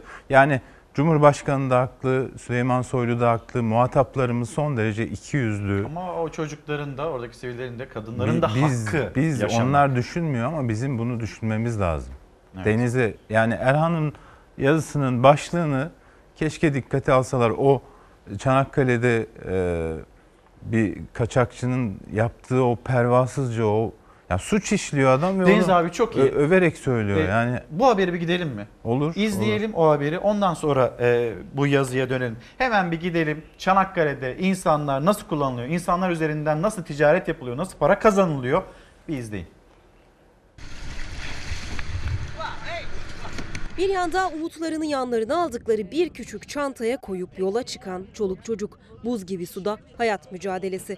Gaz bombaları ve soğuk rüzgar altında can pazarı. Bir yanda alınan nefeslere fiyat biçilen can pazarlığı. Mültecilerin kaderi insan kaçakçılarının insafına kalıyor. Come, come. Etraflarındaki hiçbir şeyi anlamadan yaşadıkları sıkıntıyı, korkuyu, hissettikleri soğuğu anlamlandırmaya çalışan çocuklara az yer kapladıkları için belli ki biçilen fiyat 400 dolar. 10 yaşından küçükler bedava. Anne babaları adam başı 800 dolar vermek zorunda Midilli Adası'na gidebilmek için. Cumhuriyet Gazetesi'nin haberine göre sınırı geçmek isteyen mültecilere bot sağlayan insan kaçakçılarının tarifesi bu. Abi benim işim bu. Ben 20 senedir bu işi yapıyorum. Avrupa'nın yarısını ben gönderdim abi göçmenlerin yarısını ben Avrupa'ya gönderdim. Sosyal medyada paylaşılan bu görüntü mültecileri yurt dışına kaçıranlara çevirdi gözleri. Videoda insan kaçakçılığı yaptığını söyleyen Özcan Karlı Edirne polisi tarafından gözaltına alındı. İstanbul'dan bot motor bekliyoruz. Bot motorlar geldi mi onları yavaş yavaş karşıya atacağız. Onun gibi pek çok kişi umudu başka bir ülkenin sınırları içinde arayan insanların ihtiyaçlarını karşılıyor. Bazen bot buluyor, bazen araç. Şanslı olanların yolculukları yeni bir hayatla buluşuyor. Ama olmayanların ölümle. Karlı'nın anlattıkları ise tek bir şeyi gösteriyor. O da mültecilerin yaşadığı çaresizlik. 12-13 bin dolar masrafı var. Bir bot 10 bin dolar. İstanbul'dan buraya nakliye 2 bin dolar. 12 bin, 2-3 bin dolar da biz 5-6 kişiye kalıyor. Allah bin bereket versin. Günlük bin lira paramız da oluyor bazen. Ayvacık'ta Mehmet S. de 7 yıldır bu işi yapıyor. Bot motor alıyoruz biz. Bot motor karşıya geçtiği zaman geri gelmiyor. İşte bir 7 bin 8 bin euro bot motoru mal ediyoruz. 2-3 bin euro kazanmak şartıyla 35 kişi falan yüklüyoruz. 40 kişi 45 kişi alacak bota 30-35 kişi yüklüyoruz garanti olması için. Canlarını tehlikeye atmamak için. Buradan salıyoruz 20-25 dakika içinde de zaten Yunanistan'da oluyorlar.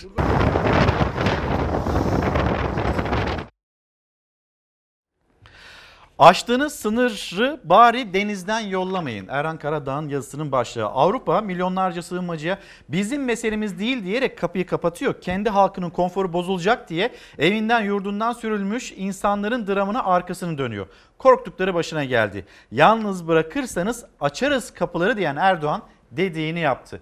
Tekneler bizim kıyılara yakın battığında sahil güvenlik botu denizden mülteci topladığında canlarını kurtarmakla övünüyorduk. Şimdi bebeleri, kadınları canlı yayında uğurluyoruz.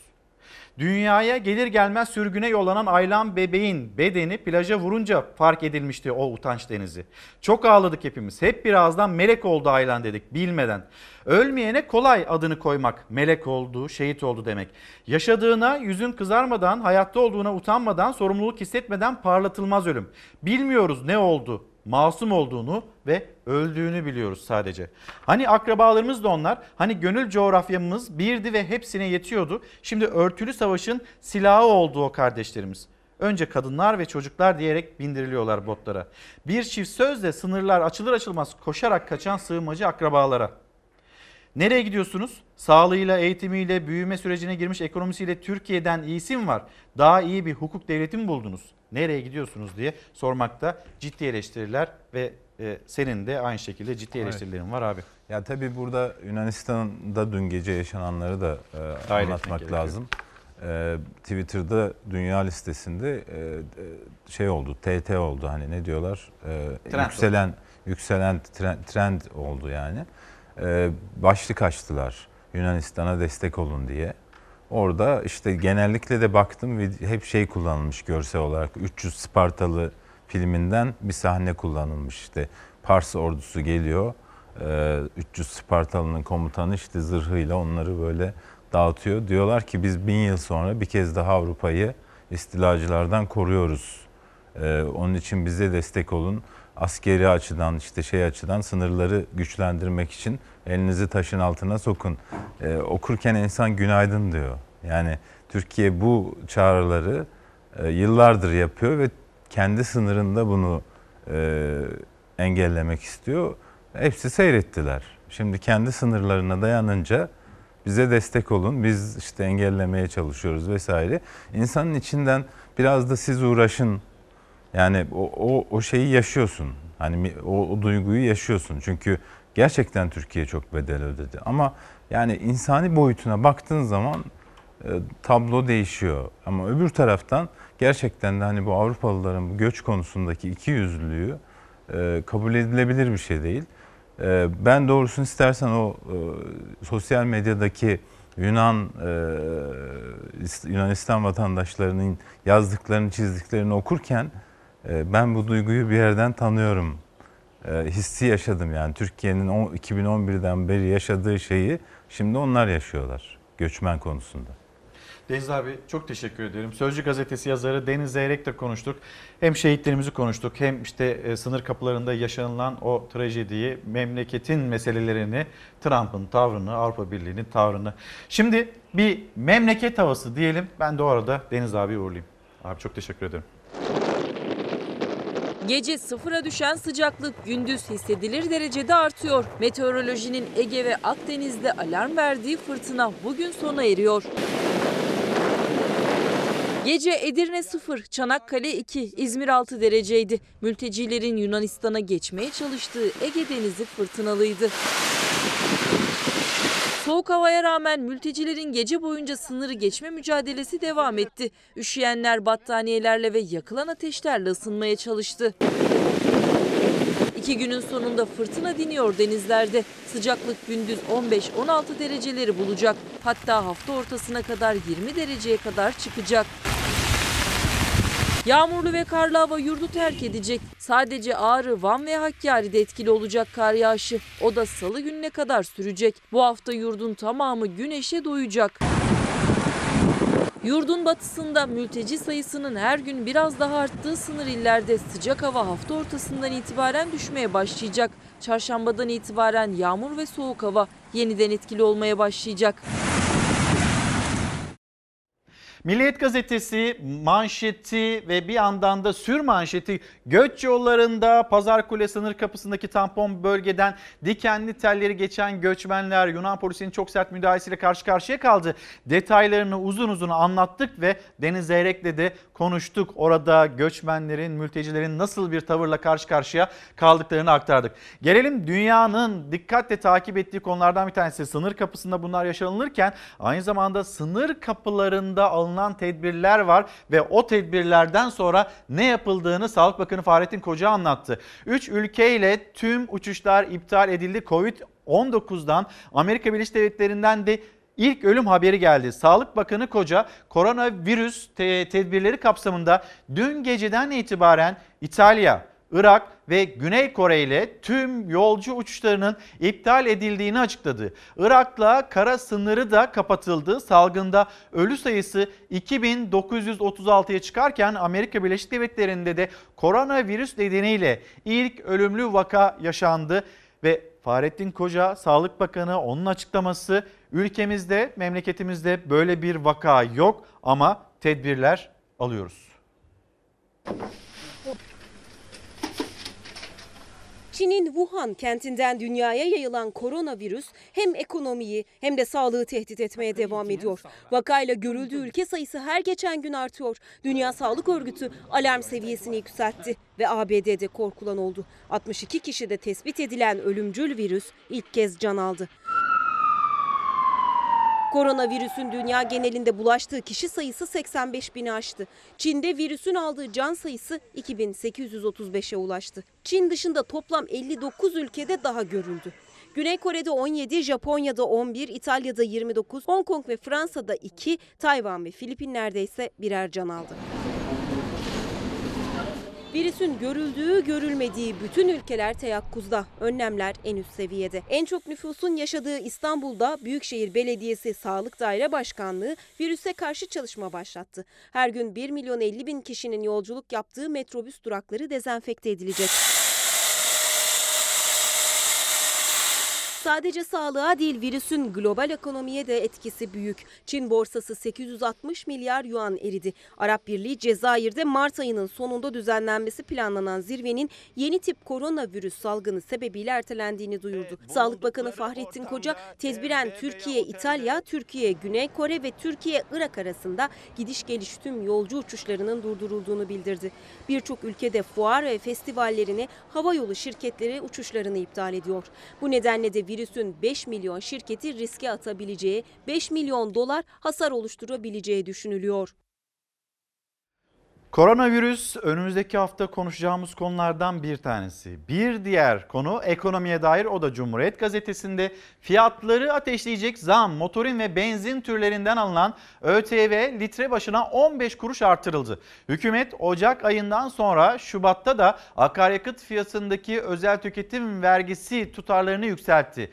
%6.31 oranındaki artışın pompa fiyatlarına yansıması litre başına 18 kuruş oldu. Akaryakıt zammı nakliye maliyeti nedeniyle çok sayıda ürünün fiyatını da etkileyecek, fiyatları ateşleyecek bir zamdan söz ediliyor. Şimdi Cumhuriyet Gazetesi'nin ilk sayfasında ve gelelim detaylarına. Önce indirim geldi, ardından vergi zammı. Motorin ve benzin fiyatları kafa karıştırdı ama haftayı zamla bitirdi. Cuma sabahı enerji, petrol, gaz ikmal istasyonları işveren sendikası motorinde ortalama 31 kuruş, benzinde ise 34 kuruş indirim müjdesi verdi. Buna göre motorinin litre fiyatı Ankara'da 6 lira 11 kuruş, İstanbul'da 6 lira 4 kuruş, İzmir'de 6 lira 13 kuruşa inecekti. Benzinin litresi ise Ankara'da 6 lira 55 kuruş, İstanbul'da 6 lira 46 kuruş, İzmir'de 6 lira 56 kuruş olacaktı. Aradan 24 saat geçmeden bu kez motorin ve benzin fiyatlarına vergi artışı kaynaklı 18 kuruş zam yapıldı. Bu kez motorin ve benzin türlerinden alınan özel tüketim vergisi litre başına 15 kuruş artırıldı. Bu artış pompa fiyatlarına 18 kuruş olarak yansıdı. Eksiler artıları götürdü. Motorin Ankara'da 6 lira 11 kuruş değil 6 lira 30 kuruş oldu. İstanbul'da 6 lira 23 kuruş, İzmir'de 6 lira 32 kuruşa çıktı. Benzinse Ankara'da 6 lira 55 kuruş değil 6 lira 73 kuruş oldu. İstanbul'da 6 lira 46 kuruş değil 6 lira 64 kuruş oldu. İzmir'de 6 lira 56 yerine 6 lira 74 kuruş oluverdi. Yani sonuçta pompa yine zamlı akmaya başladı. Hürriyet gazetesi manşeti Cumhurbaşkanı Erdoğan'ın kurduğu cümle çekilin önümüzden. Cumhurbaşkanı Erdoğan Putin'le görüşmesinde önümüzden çekilin bizi rejimle baş başa bırakın biz rejimle gereğini yaparız dediğini aktardı Erdoğan. Konuşmasında çok önemli mesajlar verdi. Putin'e böyle seslendi. Trump'la görüşmesi vardı. Hepsine detaylarıyla bakacağız ama Esad yönetimine verilen sürenin de dolduğunu söyleyelim. Dün akşam itibariyle bu sabah itibariyle Ankara'nın aldığı kararlar ve attığı adımlar.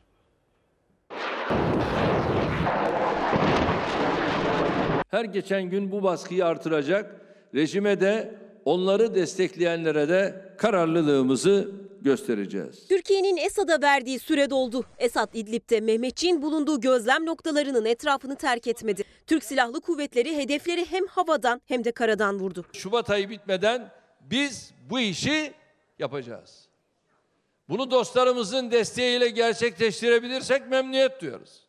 Yok bu işi zor yoldan yapmamız gerekiyorsa biz ona da varız. Rusya Dışişleri Bakanlığı iki ülkenin İdlib'de gerilimin azaltılması konusunda mutabık kaldığını duyurdu. Ama bölgede tansiyon yüksek. Gözlerse önümüzdeki hafta gerçekleşmesi planlanan Erdoğan-Putin görüşmesinde. Her iki tarafta Birleşmiş Milletler Güvenlik Konseyi tarafından tanınan teröristlerle savaşmaya devam ederken sağdaki gerilimin azaltılmasında ayrıca İdlib gerginliği azaltma bölgesi içindeki ve dışındaki sivillerin korunmasında mutabık kaldılar. Masada diplomasi sürerken İdlib ve çevresinde çatışmalar devam etti. 34 şehidin verildiği saldırının ardından TSK Suriye güçlerine nefes aldırmadı. Özellikle SİHA'lar rejimin kabusu oldu. 3 general, bir kurmay albay çok sayıda asker. İddiaya göre Suriye ordusu ağır kayıplar verdi. Sınırın ötesinde jetler yok ama silahlı insansız hava araçları çok etkinler. Hem istihbarat çalışması yapıyorlar hem de neredeyse hiç ara vermeden rejim hedeflerini vuruyorlar. Belirlenen hedefler obüs ve çok namlulu roket atarlarla vuruldu. Birçok noktada rejimin savunma hatları dağıldı. Karşı dağların arkası İdlib bir adım ötesi zaten Serakip bölgesi yani çatışmaların yoğun olarak yaşandığı yer. Bizim bulunduğumuz yerse Mehmetçiğin o bölgedeki güvenliğini sağlayan hudut birliklerinden birisi. Olası bir şekilde Mehmetçiğe saldırı olduğunda işte bu noktadan obüslerle anında karşılık veriliyor ve Mehmetçiğin ateş altında kalmasına engel olunuyor. Çatışmaların yoğun olduğu yerlerden biri İdlib'in doğusunda kalan Serakip. Rejim güçleri çekilmek zorunda kaldıkları ilçeyi almak için yeni saldırı teşebbüsünde bulundu. Saldırı Suriye ordusu için bozgunla sonuçlandı. Rejim ağır kayıp verirken Türk Silahlı Kuvvetleri'nin karadan destek verdiği muhalifler 6 köyü ele geçirdi. Muhaliflerin harekatında İran milisleri ve Lübnan Hizbullah'ından da çok sayıda kayıp var. Esad'ın generallerini SİHA vurdu. Türk Silahlı Kuvvetleri Suriye rejiminin İdlib'deki hain saldırısına karşılık vermeyi sürdürüyor. Esad'ın 3 üst düzey komutanı silahlı insansız hava araçlarıyla öldürüldü. Suriye ordusunun 124. alay komutanı Tu General Burhan Rahmun'la beraberindeki Tu General İsmail Ali ve Albay Mahsen Fervati Cebel El Zaviye'de 3 katlı bir binada toplantı yapıyordu. Türk Silahlı Kuvvetleri'ne ait SİHA binayı nokta atışıyla vurdu ve bu operasyon sonrasında Esad'ın 3 generali 3 generali öldü, öldürüldü. Peki başka yani SİHA'lar onların operasyona dahil olmasıyla birlikte bölgede dengenin değiştiğini net olarak söylememiz gerekiyor. Rusya hava sahasını açmıyor ama Türkiye'de SİHA'larla hava sahasını boş bırakmıyor.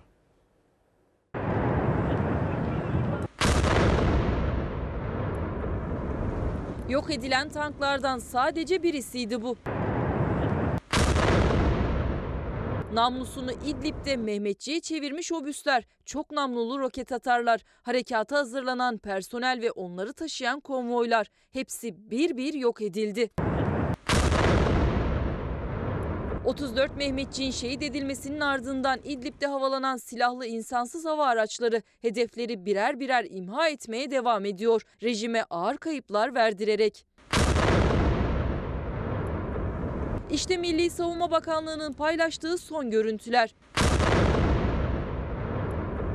Yıkık binaların arasına ağaçların altına saklanmış saldırıya hazır tutulan araçlar havadan teker teker işaretlendi. Sonra da düğmeye basıldı. Esed rejiminin 2100'ün üzerindeki unsurunu etkisiz hale getiren kahraman ordumuz tespit edilen rejim hedeflerini başarılı şekilde imha etmeye devam ediyor. Şam'a sivillere yönelik saldırılarına son vermesi, Türkiye'ye ait gözlem noktalarının etrafından çekilmesi için verilen sürenin dolmasına saatler kala kayda geçti bu görüntüler.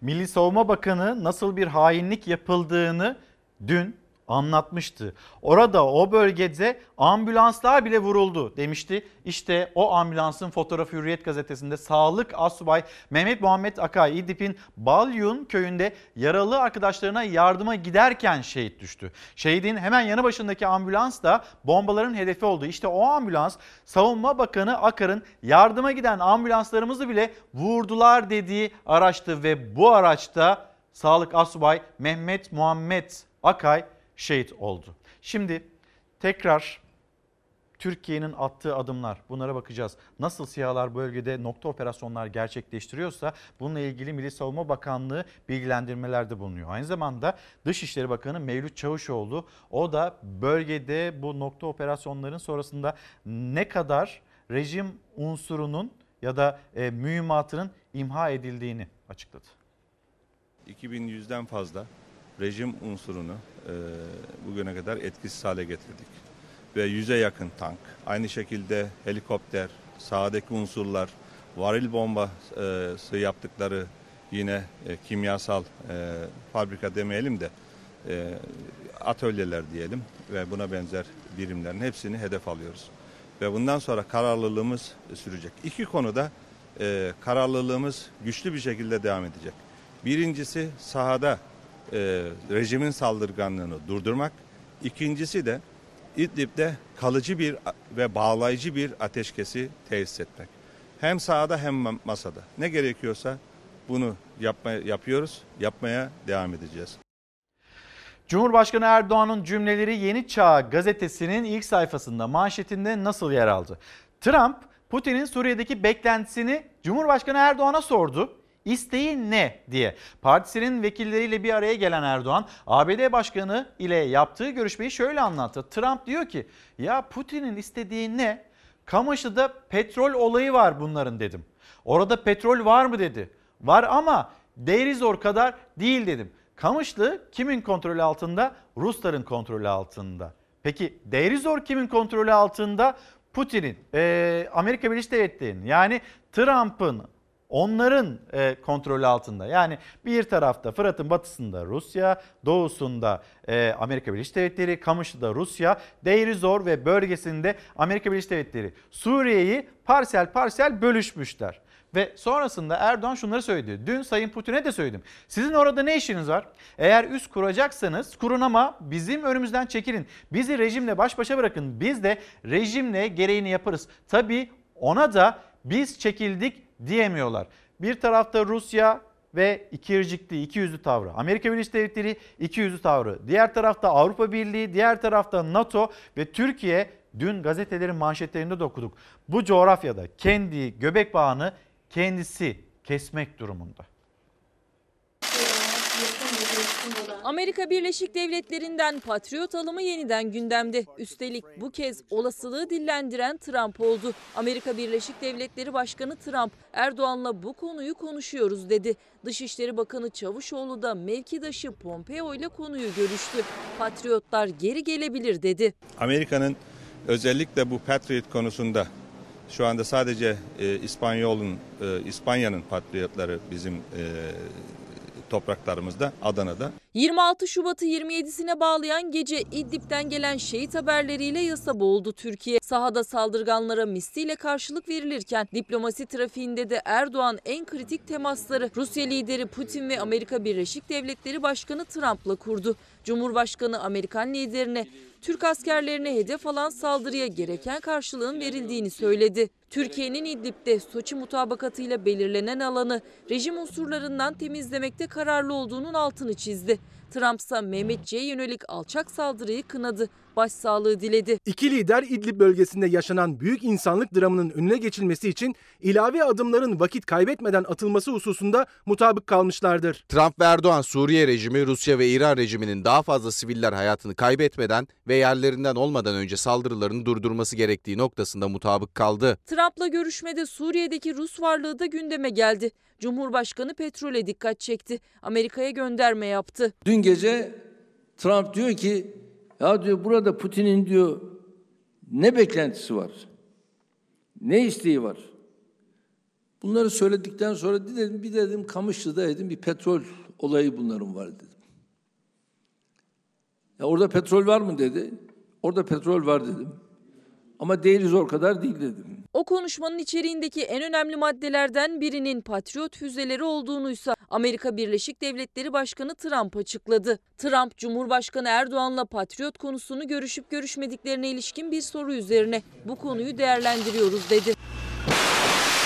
Dışişleri Bakanı Mevlüt Çavuşoğlu da mevkidaşı Pompeo ile bir görüşme yaptı. Erdoğan ve Trump'ın görüşmesindeki konuları ele aldıklarını söyleyen Çavuşoğlu, patriotları geri gönderebilirler dedi. Amerika'nın özellikle bu Patriot konusunda şu anda sadece e, İspanyol'un, e, İspanya'nın patriotları bizim e, topraklarımızda, Adana'da. E, daha önce Gaziantep'te vardı. Bunları geri gönderebilirler.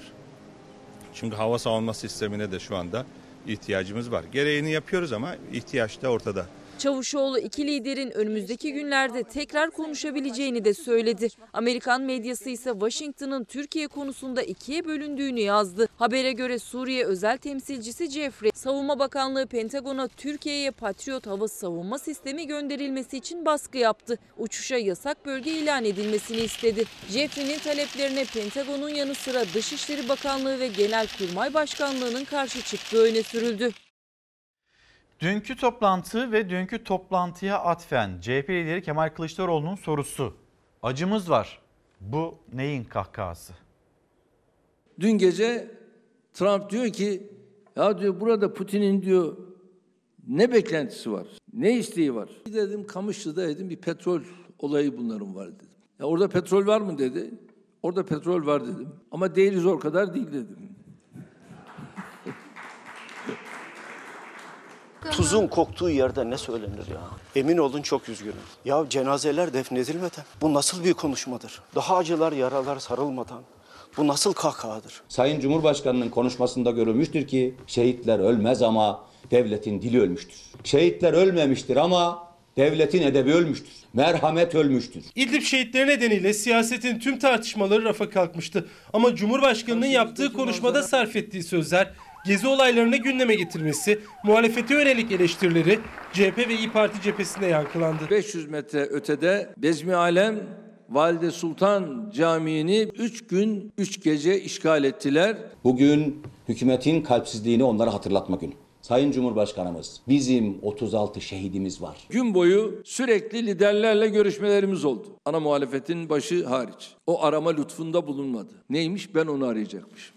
Ben seni niye arayayım ya? Dünya bizi arıyor. Daha şehitlerimiz toprağa verilmedi. Ama bugün Erdoğan'ın yaptığı konuşma beni derinden yaralamış durumda. Derdi benim. Ya arkadaş benden ne istiyorsun sen? Yüreği yanık bir insanım. Ya acı günde bari işte ise kavga etmeyelim. Ülkemizin Suriye'de yürüttüğü mücadelenin anlamını hala kavramayanlar bulunduğunu üzüntüyle görüyoruz. Sanki şehitlerimiz yokmuş gibi cümle kurmasına tahammül edemeyiz. Rabbimiz bize hüznü yüzüne vuracak idareciler nasip etsin. Bu hissizliği memleket, millet yönetemez. Muhalefet Cumhurbaşkanı'nı şehitler üzerinden siyaset yapmakla eleştirdi.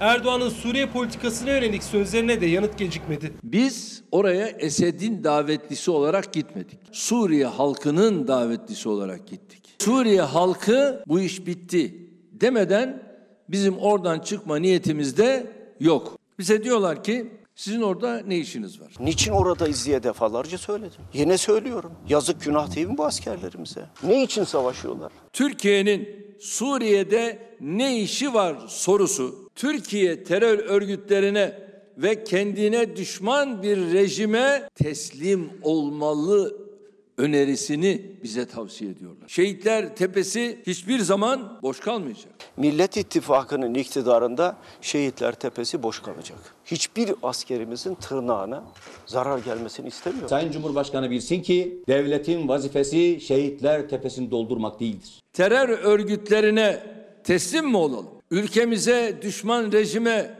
boyun mu eğelim? Bunları kullanarak vatanımızın bütünlüğüne ve milletimizin birliğine göz dikenlerin önünde diz mi çökelim? Türkiye'nin başına bu belayı niye açtınız arkadaş siz ya? Ben bunları şimdi konuştuğum için çok üzgünüm. Çok ama çok üzgünüm. CHP lideri şehitlerin acısı yaşanırken söylemek siyasi tartışmaya girmekten üzüntü duyduğunun altını kalın Kahraman kalın çizdi. olsun. İktidar muhalefet arasındaki İdlib başlığının tansiyonu bir gün arayla yeniden yükseldi.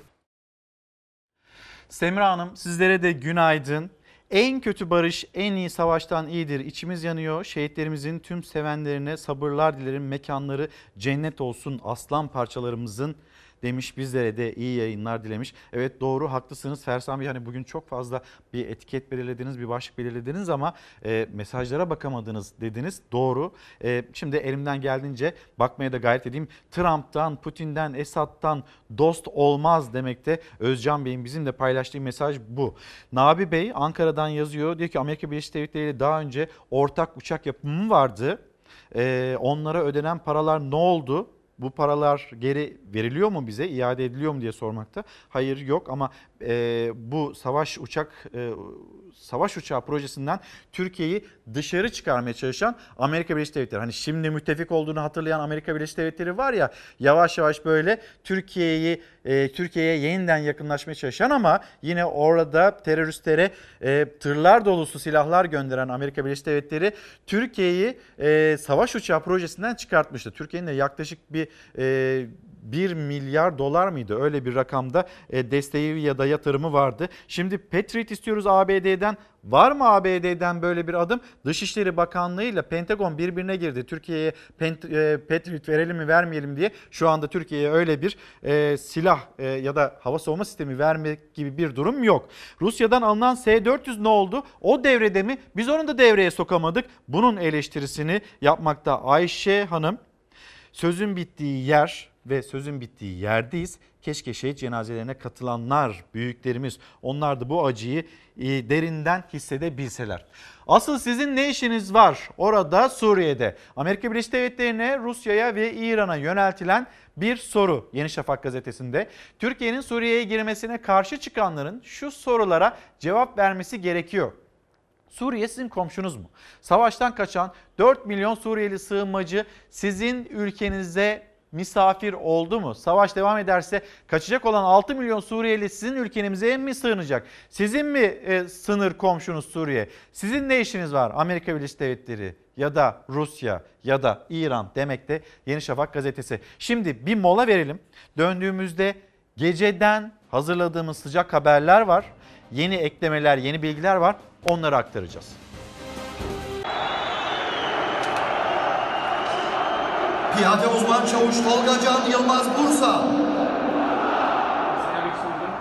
Piyade uzman onbaşı Mehmet Orhan Adıyaman.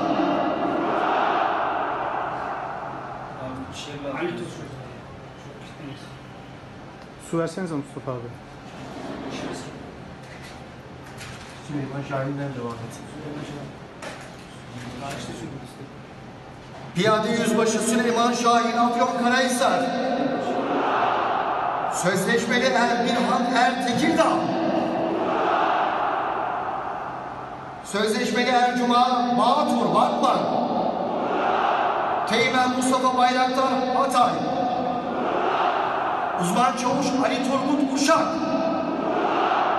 Uzman Çavuş Batuhan Tan Osmaniye. Uzman Çavuş Emin Yıldırım Hatay. Uzman Çavuş Güven Kurtulmuş Bitlis. Uzman Çavuş İbrahim Tüzel Mersin. Uzman Çavuş Selman Çankara Adana. Uzman Onbaşı Ahmet Alparslan İstanbul. Uzman Onbaşı Ahmet Saygın Kahramanmaraş. Uzman Onbaşı Emre Baysal İstanbul.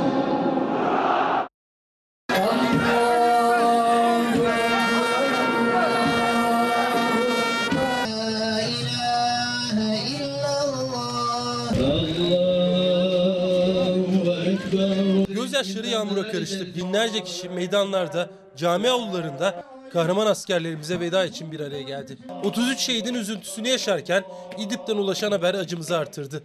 Rejim güçlerinin topçu saldırısında bir askerimiz şehit oldu. İdlib şehitlerinin sayısı 34'e yükseldi. Şehitler ölmez, vatan bölünmez. Piyade uzman onbaşı Ahmet Alparslan 23 yaşındaydı. İzmir'de Kadife Kale Hava Şehitliği'nde toprağa verildi.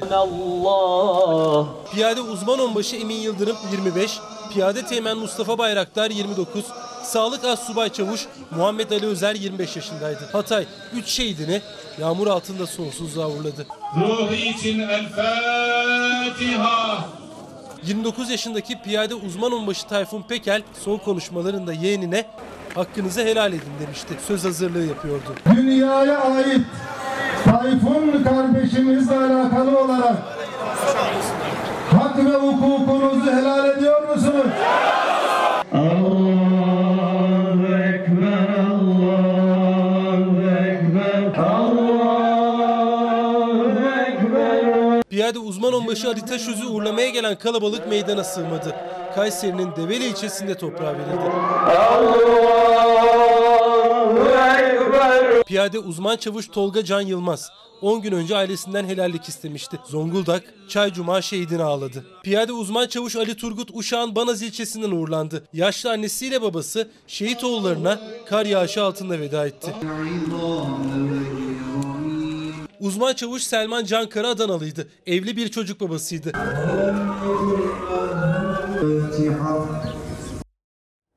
Şehitlerimize Allah'tan rahmet, yakınlarına, ülkemize başsağlığı diliyoruz. Aydınlık gazetesi İdlib'de kurgu var. Cumhurbaşkanı tansiyonu düşürdü. Kışkırtmaya dikkat çekti. Suriye'de ne petrol ne de toprak gibi bir dertleri olmadığını belirten Erdoğan, İdlib meselesi ise diğer kazanımları elimizden almak için özellikle kurgulanan, kışkırtılan bir konu olarak önümüze geldi.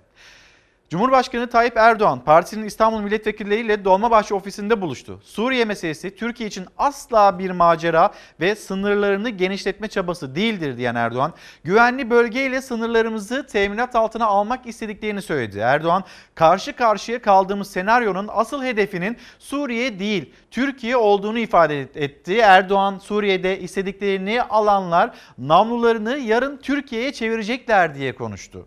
Suriye'de eğitilmiş ve donatılmış bölücü terörist sayısının 40 bin ile 60 bin arasında ifade edildiğine dikkat çekti. Suriye'deki mücadelenin başarısız olması durumunda bu teröristlerin ülkemize yöneleceğini söyleyen Erdoğan, Suriye'de 30 kilometre derinliğinde bir güvenli bölgeyi oluşturmak için çalışmalarımız devam ediyor dedi. Yine bir güvenli bölge, tampon bölge gündemimize geldi. Cumhurbaşkanı Erdoğan buradaki e, isteği, talebi 30 kilometre uzunluğunda, derinliğinde böyle bir talebi var. Türkiye'nin. Daha önce Zeytin Dalı Harekatı öncesinde gördük. Fırat Kalkın Harekatı, Barış Pınar Harekatı bu harekatların öncesinde sınırdan Türkiye'ye ya da Suriye'den Türkiye sınırına doğru bir göçmen, bir akın ya da bir tehdit olmasını engelleyebilmek için biz bu güvenli bölgeleri istedik. Hava sahası ya da uçuşa kapalı alanlar bunların hepsini istedik ama en nihayetinde Türkiye bir adım atabilmek için kendi göbek bağını kendisinin kesmesi gerekti. Türkiye o adımı attı ve o harekatlar gerçekleşti. Sonrasında Türkiye istediği sınırının, sınır güvenliğinin sağlanmasını gerçekleştirebildi. Şimdi İdlib'le ilgili Cumhurbaşkanı Erdoğan'ın dillendirdiği konu 30 kilometre derinliğinde bir güvenli bölge. Bu olacak mı olmayacak mı? Bir yandan Almanya ile görüşüyoruz. Diğer yandan Fransa ile Macron'la görüşüyoruz ki Fransa Hani ne işiniz var sizin orada dediğimiz ülkelerden bir tanesi de Fransa mesela. Fransa'nın Suriye'de ne işi var? Hani bu soru da yine Fransa'ya sorulabilir. Fransa'da aktör olmak istiyor. Cumhurbaşkanı Erdoğan'la Macron arasında bir telefon görüşmesi gerçekleşti. Erdoğan ve Macron görüştü. Fransa Cumhurbaşkanı Erdoğan'a başsağlığı dileklerini iletti ve dayanışma içinde olduklarını belirtti. Ardından Rusya'ya Suriye'nin kuzeybatısındaki saldırılara derhal son vermesi çağrısında bulundu.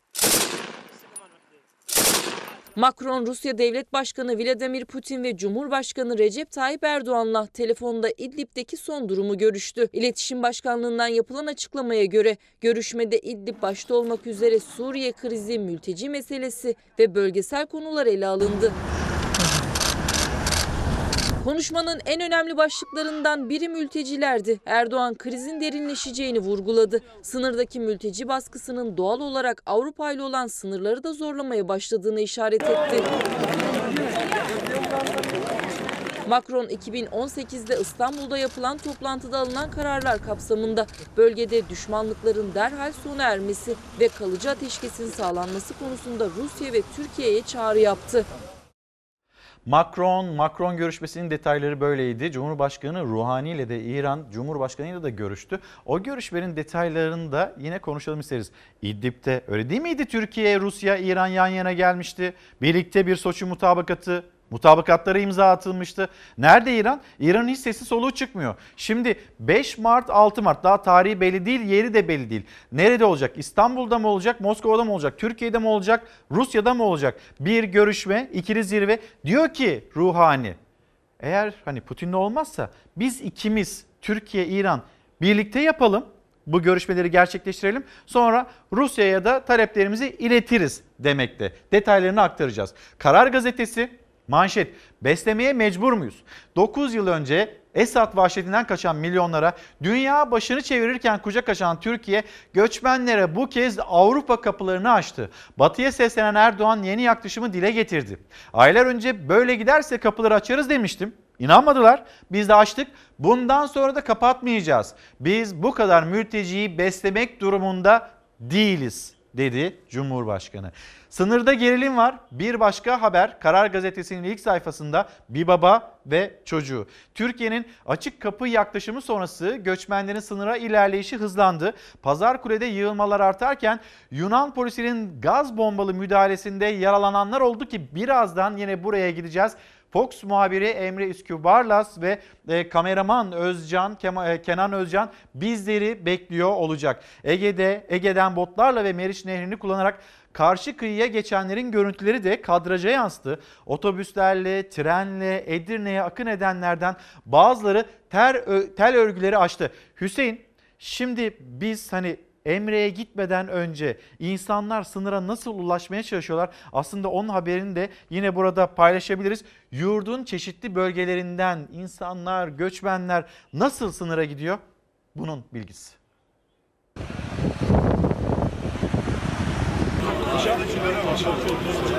Nereye gidiyorsunuz? Ee, Avrupa'da Gideceğim inşallah. Ben Yunanistan'da gidiyorum. Fransa'ya gidiyorum. Karadan, nehirden, otobüslerle, botlarla, trenle Türkiye'nin her noktasından Avrupa'ya gitmek için yola çıktı mülteciler. İlk durakları olan Edirne'ye ulaşabilmekti ilk hedefleri. Yunanistan gideceğiz. Yunanistan'a gideceksiniz ama Yunanistan kabul etmiyor. Kabul etmez bize mecbur son, e, mecburuz gideceğiz. Yunanistan'la Bulgaristan'la mülteci kabul etmeyeceğini açıkladı ama bu umut yolculuğunu durduramadı. 1300 metre öteden Hatay'dan bile gelen vardı İstanbul'a. Edirne gitti. Ee, Hatay geliyor. Hatay'dan geliyorsunuz, Edirne'ye gidiyorsunuz. Evet. Sınıra mülteci akını devam ediyor. Yunanistan kabul etmiyor, hatta müdahale ediyor. Ancak mülteciler bugün de otobüslerle bir umut sınıra ulaşmaya çalışıyorlar. Bir gideyim yakında bir bakayım duruma göre bir karar veririz yani. Kaçak giderim abi. Kaçak. Kaçak gideceksin. Evet. Git git git git. Polis bekliyor, asker bekliyor. Polis bekliyor. Başka çare yok. Gitmek zorundayız. Birkaç tanesi geçtiler. Nasıl geçtiler? Bilmiyorum ki bir, bir yol bulmuşlar geçtiler. Otobüslerin biri kalkarken diğeri beklemeye başlıyor. Doldukça sınıra hareket ediyorlar. Otogarlar geceden gündüze mültecilerle dolup taşıyor. Sadece sokak araları ve meydanlar değil, otogardan da sınıra akım var, yaşlılar var, çocuklar var. Hatta aralarında bebekler var. Aslında sınırda ne olduğunu biliyorlar ancak yine de gitmekte kararlılar. Ne kadarlık? Bir buçuk yaşında. Yunanistan kabul etmiyor. Etmese geri dönmek zorundayız. Mecbur gideyim. Çocukla nasıl olacak? Mecbur gideyim. Taksilerle Meriç Nehri'nin kıyısına gelenler botlarla Yunanistan'ın yolunu tuttu. 9 kişilik bir aile ise nehirdeki adacıkta mahsur kaldı. Bölgedeki gelişmeler, İdlib'de yaşananlar aslında bir sığınmacı akınının da habercisi gibi. O yüzden de sınır hattındaki gümrük kapılarında olası bir göç dalgası için çalışmalar devam ediyor. Bir yandan Avrupa'ya göç umudu sürerken diğer yandan da Türkiye sınırlarında güvenliğini artırıyor. İdlib'den olası bir göç dalgasına karşı Hatay sınırında dikenli teller yenileniyor. Bora Bey, günaydın. Bora Keltepe, Suriye sınırındaki mayınların temizlenmesiyle başlamadı mı bu olay? Bunları da konuşmak gerekiyor. Saldırıya katılan Rus uçakları radarda.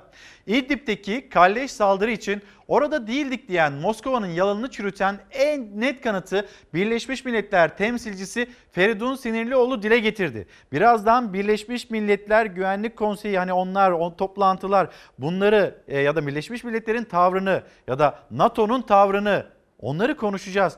Feridun Sinirlioğlu onun cümlelerine de e, dün aslında biraz yer vermiştik. Biraz daha detaylı bakacağız Feridun Sinirlioğlu'nun cümlelerine. Radar izleri Rus jetlerinin orada olduğunu gösterdi. 27 Şubat saldırısı sonrası Kremlin uçaklarının bölgede bulunmadığını öne sürdü. Ancak Bakan Akar koordinatları vermiştik dedi. Türkiye'nin Birleşmiş Milletler temsilcisi Feridun Sinirlioğlu da Rusya'ya yönelik suçlama olan ifadeler kullandı. Sinirlioğlu, Birleşmiş Milletler Güvenlik Konseyi'nde radar izine göre rejim ve Rus uçakları kol uçuşu yapıyordu dedi. Öte yandan Moskova'dan çifte provokasyon geldi. Saldırıya Rus jetlerinin katıldığına yer verilen haberlerde alçaklık zafer olarak nitelendirildi. Resmi medya kuruluşu Sputnik ise Hatay için çalıntı şehir ifadesini kullandığı Karar Gazetesi'nin haberinde yer alan bilgiye göre. Ve şimdi Birleşmiş Milletler'e gidelim. Birleşmiş Milletler Güvenlik Konseyi'nde Feridun Sinirlioğlu ve Rusya ben müdahale etmedim. Ben yoktum ama zaten görüp baktığımızda Türk askerleri de yanlış yerde bulunmaması gereken yerdeymiş. Bu savunmalar ve bu savunmalara Ankara'nın yanıtı.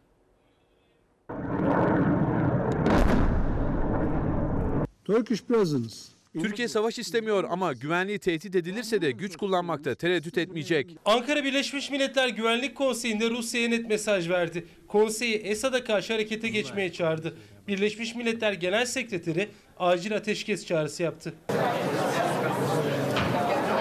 İdlib'de Mehmetçiğe düzenlenen hava saldırısı dünyanın gündeminde. Saldırının ardından Birleşmiş Milletler Güvenlik Konseyi Amerika, İngiltere, Almanya, Fransa, Belçika, Estonya ve Dominik Cumhuriyeti'nin talebiyle acil toplandı.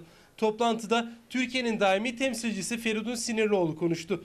Türk askerlerinin sivillerin hayatını kurtarmak için kendi hayatlarını feda ettiğini söyledi. Turkish forces have responded. Milyonlarca sivilin hayatı bizim ortak sorumluluğumuzda. Artık bu konseyin yetti demesi gerekiyor. Konsey Esed rejiminin savaş suçlarına dur demelidir. Sinirlioğlu Türk askerlerinin kasten hedef alındığını aktardı. Rus güçleriyle yazılı bir şekilde koordinasyon yapıldığını söyledi. İlk saldırının ardından Rusya'nın derhal uyarıldığını ancak hava saldırısının sürdüğünü belirtti. Even the ambulances that were sent forward. Yaralılarımızı taşıyan ambulanslara bile saldırıldı. Rus tarafına bir kez daha gözlem noktalarımızı terk etmeyeceğimizi ve askeri takviyelere devam edeceğimizi ilettik. Türkiye savaş istemiyor. Rusya'nın Birleşmiş Milletler Elçisi Nebenzia ise Moskova'nın Türk askerlerinin şehit olmasından üzüntü duyduğunu savundu. Ardından Ankara'yı hadsizce suçladı. Askerlerin gözlem noktası dışındayken saldırıya uğradığını söyledi. Yesterday's attacks on Turkish troops Güvenlik Konseyi toplantısında Türkiye'ye destek veren ülkelerden biri de Amerika'ydı. Amerika'nın Birleşmiş Milletler daimi temsilcisi Kelly Craft saldırıyı gayrimeşru olarak niteledi. Türkiye'nin karşılık vermekte haklı olduğunu vurguladı. Washington'ın bunu desteklediğini belirtti. Feridun Sinirlioğlu toplantı sonunda Amerikan elçisiyle bir süre baş başa görüştü. Birleşmiş Milletler Genel Sekreteri Guterres ise Suriye'de son 24 saatte yükselen tansiyonun düşürülmesi gerektiğini söyledi. Acil ateşkes çağrısı yaptı. Uzlaşma olmaması halinde savaşın daha da dramatik bir hal alacağını savundu. Toplantıda Suriye'nin Birleşmiş Milletler daimi temsilcisi Beşar El Caferi de konuştu. Küstahça Ankara'ya hedef aldı. Türkiye'nin Aslan Anlaşması'nda verdiği sözleri tutmadığını iddia etti. Nezife Gezer şehitlerimiz hepimizin içini yaktı. Allah geride kalanlara sabır versin inşallah. Bizimle e, paylaştığı mesaj bu şekilde. Şimdi hemen sınır bölgesine gireceğiz. İdlib'e yakın bir noktaya e, Hatay'a Cilve Gözlü sınır kapısına orada bizi Özgür Aslan bekliyor. Kazım Gökçe ile birlikte ki İdlib'e 40 kilometre 50 kilometre kadar uzaklıktaki bir noktada Özgür. E, yanılmıyorum değil mi Özgür? Öyle bir mesafedesin ve e, yeni günün notlarını senden alalım. Evet İlker Karagözlü yaklaşık 50 kilometre mesafede İdlib'in şehir merkezi. Cilve Gözü sınır kapısını geçtikten hemen sonra tampon bölge sonra Suriye sınır kapısı ve hemen sonrası zaten İdlib'in kırsal bölgesi. Şehir merkezinde yaklaşık 50 kilometre mesafede çatışmalarda o bölgeye yakın bir yerde yaşanıyor. Ee, şöyle söyleyebiliriz. İlker Karagöz günlerdir konuşuyorduk. Ay sonunu işaret ediyordu Cumhurbaşkanı. Şubat ayının sonuna kadar süre verilmişti. O süre dün gece itibariyle doldu ve sahada resmi olarak bir operasyon açıklaması olmasa da sahada tabii ki durulmuyor ee, ve orada aslında fiilen bir operasyon var gibi görünüyor. Özellikle de 34 şehidimizin ardından bölgede çok ciddi çatışmalar yaşandı. Çok sıcak çatışmalar yaşandı. Özellikle e, hep söylüyoruz İdlib'in hemen güneyinde yaklaşık 10 kilometre mesafedeki şehir merkezine mesafedeki Serakip bölgesi çok kritikti M4 ve M5 karayollarının kesişme noktası olarak. Oradaki çatışma giderek şiddetlendi ve bu zamana kadar yani 34 şehit verdiğimiz o geceye kadar bulundukları pozisyonları korumaya çalışan Mehmetçik ve e, muhalifler e, o andan itibaren saldırıya geçtiler ve e, o noktaya kadar gelen rejim güçlerini geri püskürttüler. Diğer tarafta Maret el Numan bölgesi adında aslında İdlib çatışmasızlık bölgesinde işlerin karışacağını, kartların yeniden karılacağının işareti olan bir bölge orası. Rejim güçleri ilk olarak oraya doğru ilerlemişlerdi. E, çatışmanın sahası genişledi ve Maret el Numan'a da yani İdlib bölgesinde ilk ele geçirilen bölge olan Maret el Numan'a da operasyon yapıldı ve oradaki rejim hedefleri de bombalandı. Kritik mevziler vuruldu ve bütün bunlar e, SİHA'larla yapıldı.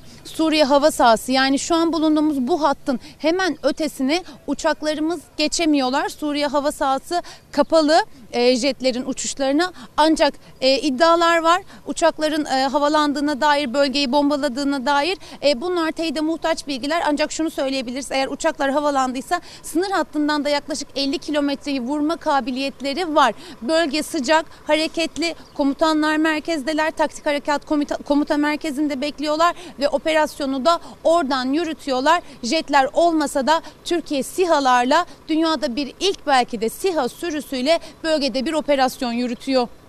Özgür Aslan, Kazım Gökçe çok teşekkür ederiz. Kolay gelsin.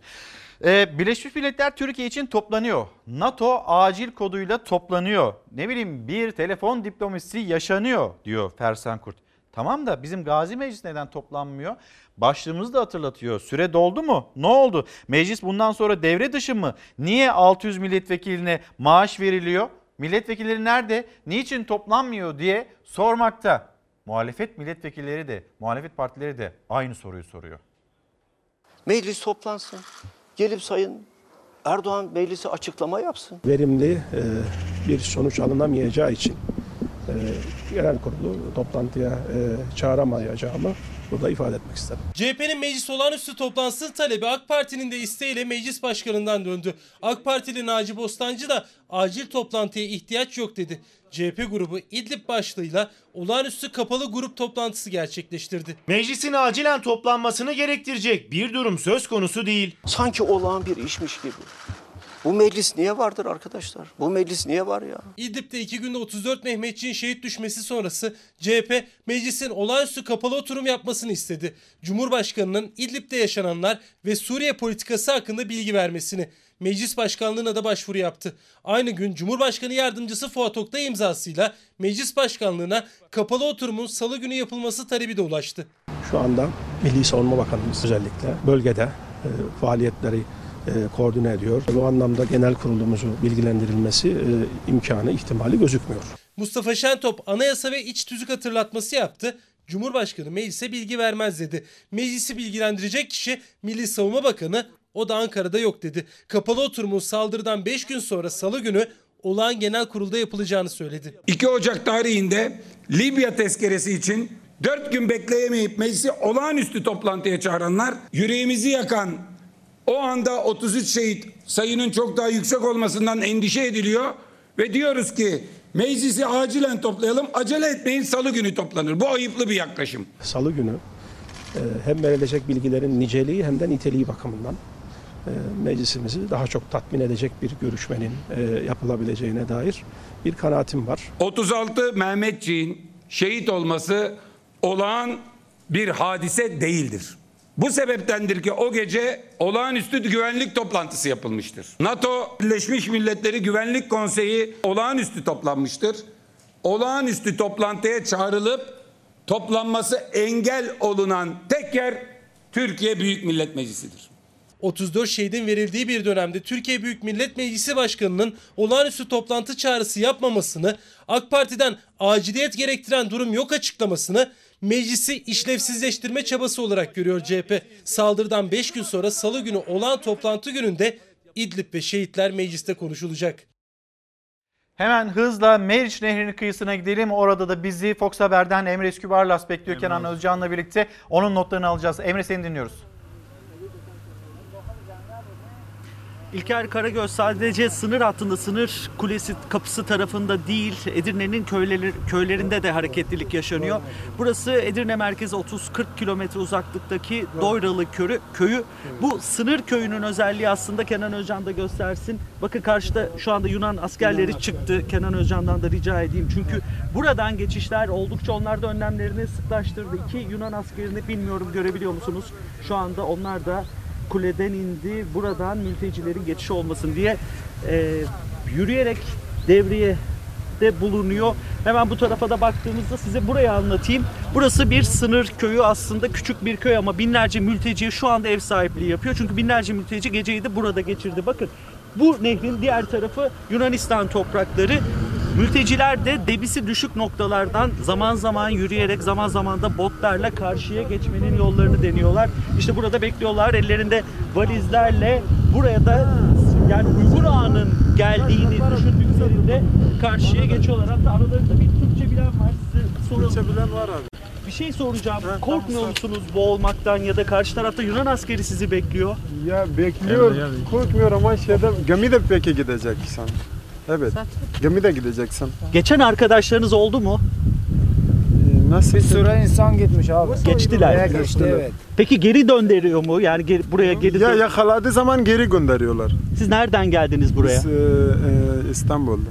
Kaç senedir Türkiye'desiniz? Ben iki sene. Nerelisiniz? Afganistan'da. Evet işte Afganistanlı mülteciler burada bekliyor. İşte köylüler de aslında bu gelişmeleri takip ediyor. Merhaba beyefendi siz anlatır mısınız? Ee, Evet. Daha önce askerin ateş açtığını söylediniz Yunan askerinin bize. Yunan askeri ateş açıyor gelen mültecilere geçmesinler karşı tarafa değil. Meriç Nehri'nin Allah'tan çok sular olarak yüzerek geçtiler. Botları aldılar. Askerler tekrar geri çevirdiler. Soymuşlar o insancıkları. Çırılçıplak gönderdiler. Biz burada onlara yardım ettik, eşya verdik, ekmek verdik. Çok işler acısın yani. Çok e, mülteci var mı köyünüzde? Bizim köyümüzde aşağı yukarı 500 bin tane mülteci var. Burada askeriyenin dibinde konaklıyorlar. Geçmeye çalışıyorlar karşıya ama devriyeler de burada bar, barıtmıyorlar. Hemen havaya ateş ediyorlar insanlar. Botlar zaten battı burada. Burada. Debisinin çocuk- düşük olduğu bir dönem. Evet, evet. Meriç Nehri çok sıvı olduğu için çok o yönden sevinçliyiz yani. Başka türlü çok boğulan olur, çok eziyet olur insanlıklar. Teşekkür ederiz. Sağ olun. İlker Karagöz işte köylüler de bu gelişmeleri yakından takip ediyor. Doyralı köyündeki gelişmeler bu yönde. Yani uygun anı beklediğinde mülteciler Yunanistan tarafına geçebilmek için her yolu deneyen mülteciler karayoluyla aşamadıkları o sınır hattını bu şekilde tehlikeli bir yolculukta olsa nehri yüzerek, yürüyerek, botlarla aşmaya çalışıyorlar. Tabii bunda başarılı olanlar var, başarılı olamayanlar var. Yakalanıp geri gönderilenler var. Ama dediğimiz gibi Yunanistan sınır hattındaki gelişmeler de bu şekilde devam ediyor İlker. Emre Üskübarlas çok teşekkürler. Mecburuz diyor insanlar. Biz mecburuz ve gitmek istiyoruz. Bir süredir İstanbul'da bulunan ve şimdi Avrupa'ya gitmek isteyen insanlar Emre ile yolları kesişti Yunanistan sınırında ve onların kurduğu cümleleri sizler de duydunuz. E, bin ya da binden daha fazla e, mültecinin köylerinde olduğunu söyleyen bir büyüğümüz ve aynı zamanda İçişleri Bakanı Süleyman Soylu onun açıklamalarını da hatırlatalım. Cumhurbaşkanı Erdoğan dün e, saatler işte öyle saatleriydi. Yaklaşık 25 bin 30 bin e, kadar kişinin burada bu bölgede olacağını e, ya da bu sınır kapısına geleceğini söylemişti. Ama 23.50 itibariyle İçişleri Bakanı Süleyman Soylu bakın nasıl bir sayı verdi. Ne dedik aylar önce? Eğer bu böyle giderse biz kapıları açmak zorunda kalacağız. Rahatsız oldular. İnanmadılar bizim bu söylediklerimize. Ve biz de dün ne yaptık? Kapıları açtık ve şimdi bu sabah itibariyle yaklaşık 18 bin oldu kapıları zorlayıp geçenler ama bugün herhalde 25 bin 30 bini bulabilir. Cumhurbaşkanı 30 bini bulabilir demişti. İçişleri Bakanı Süleyman Soylu sınırı geçen göçmen sayısının 23.50 itibariyle 50 bine yaklaştığını açıkladı. Biz bu kapıları bundan sonraki süreçte de kapatmayacağız ve bu devam edecek. İdlib'deki hain saldırı sonrası geldi Ankara'nın göçmen hamlesi. Söz verip tutmayan Avrupa'ya resti çekti Cumhurbaşkanı. Sınır kapılarını kapatmayacağız dedi. Yunanistan ve Bulgaristan alarma geçti. Sınırda önlemleri arttırmaya başladı. Erdoğan Türkiye'nin 3 milyon 700 bin Suriyeliyi barındırdığını söyledi. Ülkenin yeni bir göç dalgasını kaldıracak durumda olmadığını da Almanya Başbakanı Merkel'le defalarca konuştuğunu anlattı. Aradım tekrar şansölyeyi. Para hazır dedi. Dedim hazır olan paranız buraya gelmiyor. Eğer bunu verecekseniz verin. Vermeyecekseniz o zaman bu mültecileri biz size gönderelim. Biz 25 değil size 100 milyon avro gönderelim. Erdoğan Merkel'in bu teklifi kabul etmediğini açıkladı. Ben dedi onu da istemem dedi. E onu istemiyorsanız dedim niye Birleşmiş Milletler'e gönderiyorsun bu parayı? Bunu direkt bize gönder. Ben sizin pratik olmanızı istiyorum dedim. Göçmenlerse akın akın Yunanistan ve Bulgaristan sınırlarına gidiyor. Avrupa panikti. Yunan hükümeti acil gündemle toplandı. Başbakan Miçotakis Suriye'de yaşananların sorumlusunun Yunanistan'ın olmadığını söyledi. Yasa dışı hiçbir girişe izin verilmeyeceğini de. Bize uluslararası hukuk dersi verenlere bakın. Kapılarına yığılmış binlerce masum insanın üzerine utanmadan gaz bombaları atıyorlar. Bizim ülkemizden giden insanları zorla tutmak gibi bir yükümlülüğümüz yok. Ama Yunanistan'ın kapısına gelenlere insan gibi davranma yükümlülüğü var. Jiletli telli, barikatlı, biber gazlı ve ses bombalı engellemelere rağmen bazı göçmenler Yunanistan'a geçmeyi başardı. Uluslararası Af Örgütü Yunanistan ve Bulgaristan'ı eleştirirken iki ülkeye kapılarını göçmenlere aç çağrısı yaptı. İçişleri Bakanı Süleyman Soylu sosyal medya hesabından 23.50 itibariyle Edirne üzerinden ülkeden ayrılan göçmen sayısının 47.113 olduğunu duyurdu. Fatih Altaylı'nın yazısıydı. Dünkü yazısı tüm dünyaya karşı ahlaki bir üstünlüğümüz vardı. Neler neler yaşandı da biz mültecilere, göçmenlere ev sahipliği yaptık. Kan içip kızılcık şurubu içme pahasına biz onlara sahip çıktık. Ama şimdi biz bu ahlaki üstünlüğümüzü kaybettik demekte. Tartışmanın bir boyutu bu. Diğer boyutu da Dışişleri Bakanı Mevlüt Çavuşoğlu'nun dikkat çektiği kısım bizim e, ülkemizden gitmek isteyenleri durdurmak gibi bir yükümlülüğümüz yok ama Yunanistan'ın karşısına gelen kapısına gelen insanlara insan gibi davranma yükümlülüğü var demekte. Düne gidelim. Öyle mi oldu acaba? Burası yine hareketlendi abi.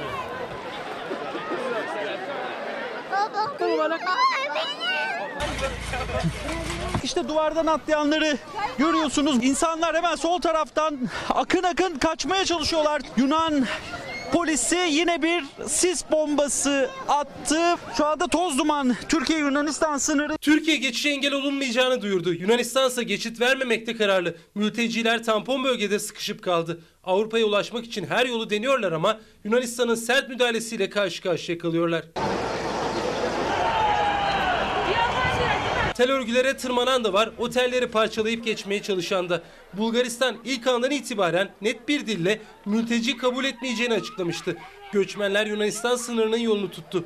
En hareketli nokta Edirne'deki Pazar Kule sınır kapısı. Sabahın ilk ışıklarında Pazar Kule sınır kapısının çevresinde mülteci sayısı inanılmaz bir şekilde arttı. İşte yol kenarlarında ormanlık alanda binlerce mülteci var. O bekleyiş kısa süre sonra yerini Yunanistan'ın yoğun müdahalesine bıraktı. Tel örgülere yönelen mültecileri ses bombasıyla uzaklaştırmaya çalıştı Yunan polisi.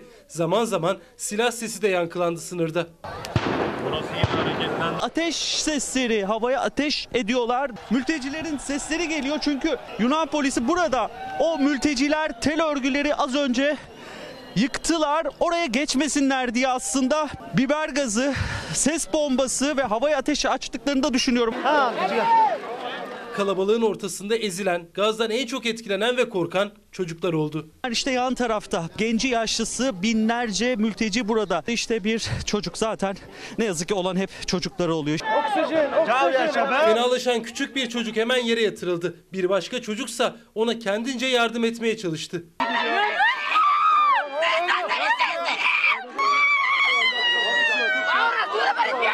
Yunanistan'ın müdahalesinde iki kişi yaralandı. Başına biber gazı bombası isabet eden bir mülteci ve gazdan etkilenen bir çocuk hastaneye kaldırıldı. Bu tel örgüden biraz önce burayı parçalayarak Yunan topraklarına gitmeye çalışan mülteciler oldu.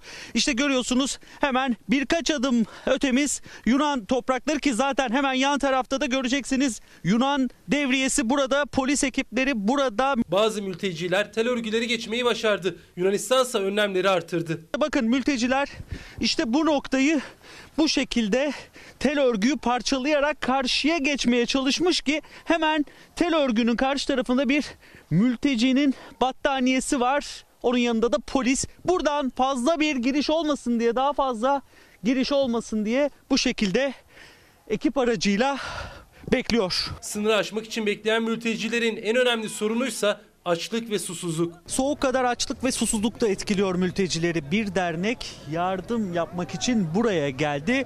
Kumanya dağıtacaktı ancak yoğunluk nedeniyle o yardım şu ana kadar gerçekleşemedi. Yardım gelince de izdiham yaşandı sınır hattında. İşte simit taşıyan bir otomobil yardım için geldi ama araç tamamen sarıldı. İşte birbirleriyle artık kavga edercesine o simitleri almaya çalışıyor mülteciler. Araçlar bölgeden uzaklaşmak zorunda kaldı. Umut nedir bilmeden bekleyen küçük çocuklarsa açlıkla ve soğukla mücadeleyi küçük yaşta öğrenmek zorunda kaldı. Hiç kuşkusuz en büyük zorluğu çocuklar yaşıyor. İşte mültecilerin çocukları onlar tampon bölgede kendilerine bir oyun alanı oluşturdu. İşte toprağı çizerek, oyunlar oynayarak aileleriyle birlikte Yunanistan tarafına geçmek için bekliyorlar. Yaşanılan kriz içinde ya da Türkiye işte yastayken, şehitler verirken çok fazla da sesini duymadığımız İran. Onlar da ses verdi. Bakın nasıl bir teklifle. Cumhurbaşkanı Recep Tayyip Erdoğan, İran Cumhurbaşkanı Hasan Ruhani ile telefonda görüştü. Ruhani teröristlerin kökünün kazınması gerektiğini söyledi. Rusya'nın yer almadığı bir Türkiye, İran, Suriye ortak zirvesi yapma teklifinde bulundu. İran Devlet Televizyonu Ruhani ve Erdoğan arasındaki telefon görüşmesinin ayrıntılarını paylaştı. Ruhani'nin İdlib'in durumunun çok karışık olduğunu söylediğini belirtti. Ruhani ayrıca İdlib'deki masum insanlar korunmalı çağrısında bulundu. Ruhani Erdoğan'a İran, Türkiye ve Suriye liderlerinin bir zirve toplantısında bir araya gelmesini önerdi. Türkiye, Rusya, İran'ın kurduğu Astana sürecinin önemine vurgu yaptı. Liderlerin bir araya geleceği toplantı için Tahran'ın kendilerine ev sahipliği yapmaya hazır olduğunu söyledi. Ruhani dün Erdoğan'dan önce de Putin'le görüştü. Arabulucu bir tavır gösteren Ruhani'nin Rus lidere de Astana üçlüsü olarak varılmış olan anlaşmaların tamamıyla uygulanması gerektiğini söylediği açıklandı. Çarşı Pazar'dan da haber vereceğiz. Yeni Çağ gazetesinin ilk sayfasında çarşı pazar ateş pahası Çarşı ve pazardaki fiyatlar tırmanınca mutfak yangın yerine döndü. Tarla ve sera ürünlerinin yanına yaklaşılmaz oldu. Patlıcan fiyatı 10 liraya tırmanırken kabak 11, dolmalık biber 14, sivri biber 22, salatalık 15, domates 7 liraya fırladı. Muz 15, elma ve portakalda 6 lira demekte Yeni Çağ gazetesinin ilk sayfasında yer alan haber. Ve hemen bir de akaryakıtta kalıcı vergi zammı bununla ilgili detayı da paylaşalım sizinle. Benzine ve motorine pompaya yansıyacak 15 kuruş ÖTV zammı geldi.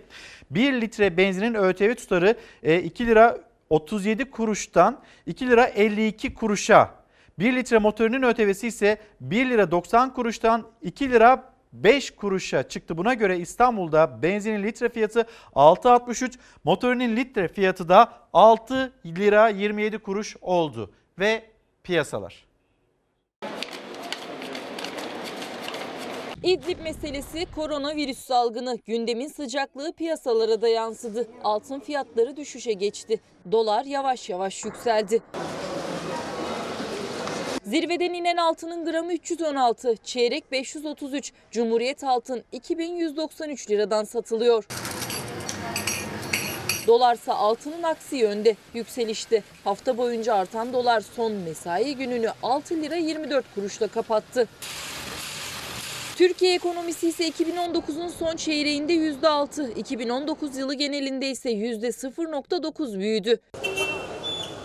Kişi başına düşen milli gelir 2019'da 9127 dolar oldu. 2007'deki 9656 dolarlık seviyenin de gerisine düştü. Ekonomik güven endeksi Ocak ayında 97,5 değerine yükselirken tüketici güveni Şubat'ta 4 ayın en düşük seviyesine indi. %2,7 gerileyerek 57,3 oldu. Umut Bey, Umut Orhan, günaydın. Belki e, bu ismi önümüzdeki günlerde CHP'nin kurultay sürecinde genel başkanlık yarışında da göreceğiz. Sizi dikkatle izliyorum. Elinize, emeğinize sağlık demişsiniz. Çok sağ olun, teşekkür ederiz. Bugün 1 Mart 2003 tezkeresinin reddedilişinin 17. yıl dönümü. O gün mecliste bu tezkereye red veren başta Deniz Baykal ve CHP'nin 22. dönem milletvekillerini ve de 70'e yakın AK Parti milletvekilini kutlamak, kutlamak lazım. O tavrın ne kadar doğru olduğunu bugün de görmekteyiz. O kararlılık sürseydi 1 Mart 2003 ruhu korunsaydı bugün Suriye'de Mehmetçiğimiz şehit düşmeyecek. 4 milyona aşkın Suriyeli ile uğraşmayacaktık. Yolumuz Atatürk, yolumuz belli. Yurtta barış, dünyada barış. Yolumuz bu olmalı demekte. Umut Orun gönderdiği paylaşım bu. Ve memleket havası. Gece sıfıra düşen sıcaklık gündüz hissedilir derecede artıyor. Meteorolojinin Ege ve Akdeniz'de alarm verdiği fırtına bugün sona eriyor. Gece Edirne 0, Çanakkale 2, İzmir 6 dereceydi. Mültecilerin Yunanistan'a geçmeye çalıştığı Ege Denizi fırtınalıydı. Soğuk havaya rağmen mültecilerin gece boyunca sınırı geçme mücadelesi devam etti. Üşüyenler battaniyelerle ve yakılan ateşlerle ısınmaya çalıştı. İki günün sonunda fırtına diniyor denizlerde. Sıcaklık gündüz 15-16 dereceleri bulacak. Hatta hafta ortasına kadar 20 dereceye kadar çıkacak. Yağmurlu ve karlı hava yurdu terk edecek. Sadece Ağrı, Van ve Hakkari'de etkili olacak kar yağışı. O da salı gününe kadar sürecek. Bu hafta yurdun tamamı güneşe doyacak. Yurdun batısında mülteci sayısının her gün biraz daha arttığı sınır illerde sıcak hava hafta ortasından itibaren düşmeye başlayacak. Çarşambadan itibaren yağmur ve soğuk hava yeniden etkili olmaya başlayacak. Efendim bir mola verip hemen döneceğiz. Efendim bir kez daha günaydın. Çalar Saat'e nokta koyma vakti geldi. Ama kitaplarımız var onları da göstermek istiyorum.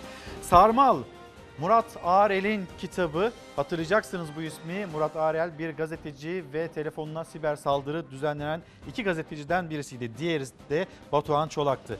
Cebimde dün aklımda yarın Can Polat Aras'ın yazdığı ve imzalayıp da bizimle paylaştığı bir kitap. Ve Boşnak Dünyası yeni sayısı Cehennem olsa gelen göğsümüzde söndürürüz. Bu yol ki hak yoldur. Dönme bilmeyiz yürürüz. Mehmet Akif Ersoy, vatan şairimiz ve işte şehitlerimiz, şehitlerimizle ilgili hassasiyet gösteren bir gazete Boşnak Dünyası'ndan. Aynı zamanda Türk Solu dergisi siyasi bir gazete. Kadınları neden öldürüyorlar? Bir sorgulama ve bir hassasiyeti dillendiren e, siyasi gazete. Efendim kapatıyoruz. Önümüzdeki hafta bir manikeler olmazsa cumartesi pazar sizlere yine bizler günaydın diyeceğiz. Ve inşallah güzel haberlerle günaydın diyeceğiz. Hoşçakalın, güzel bir gün olsun.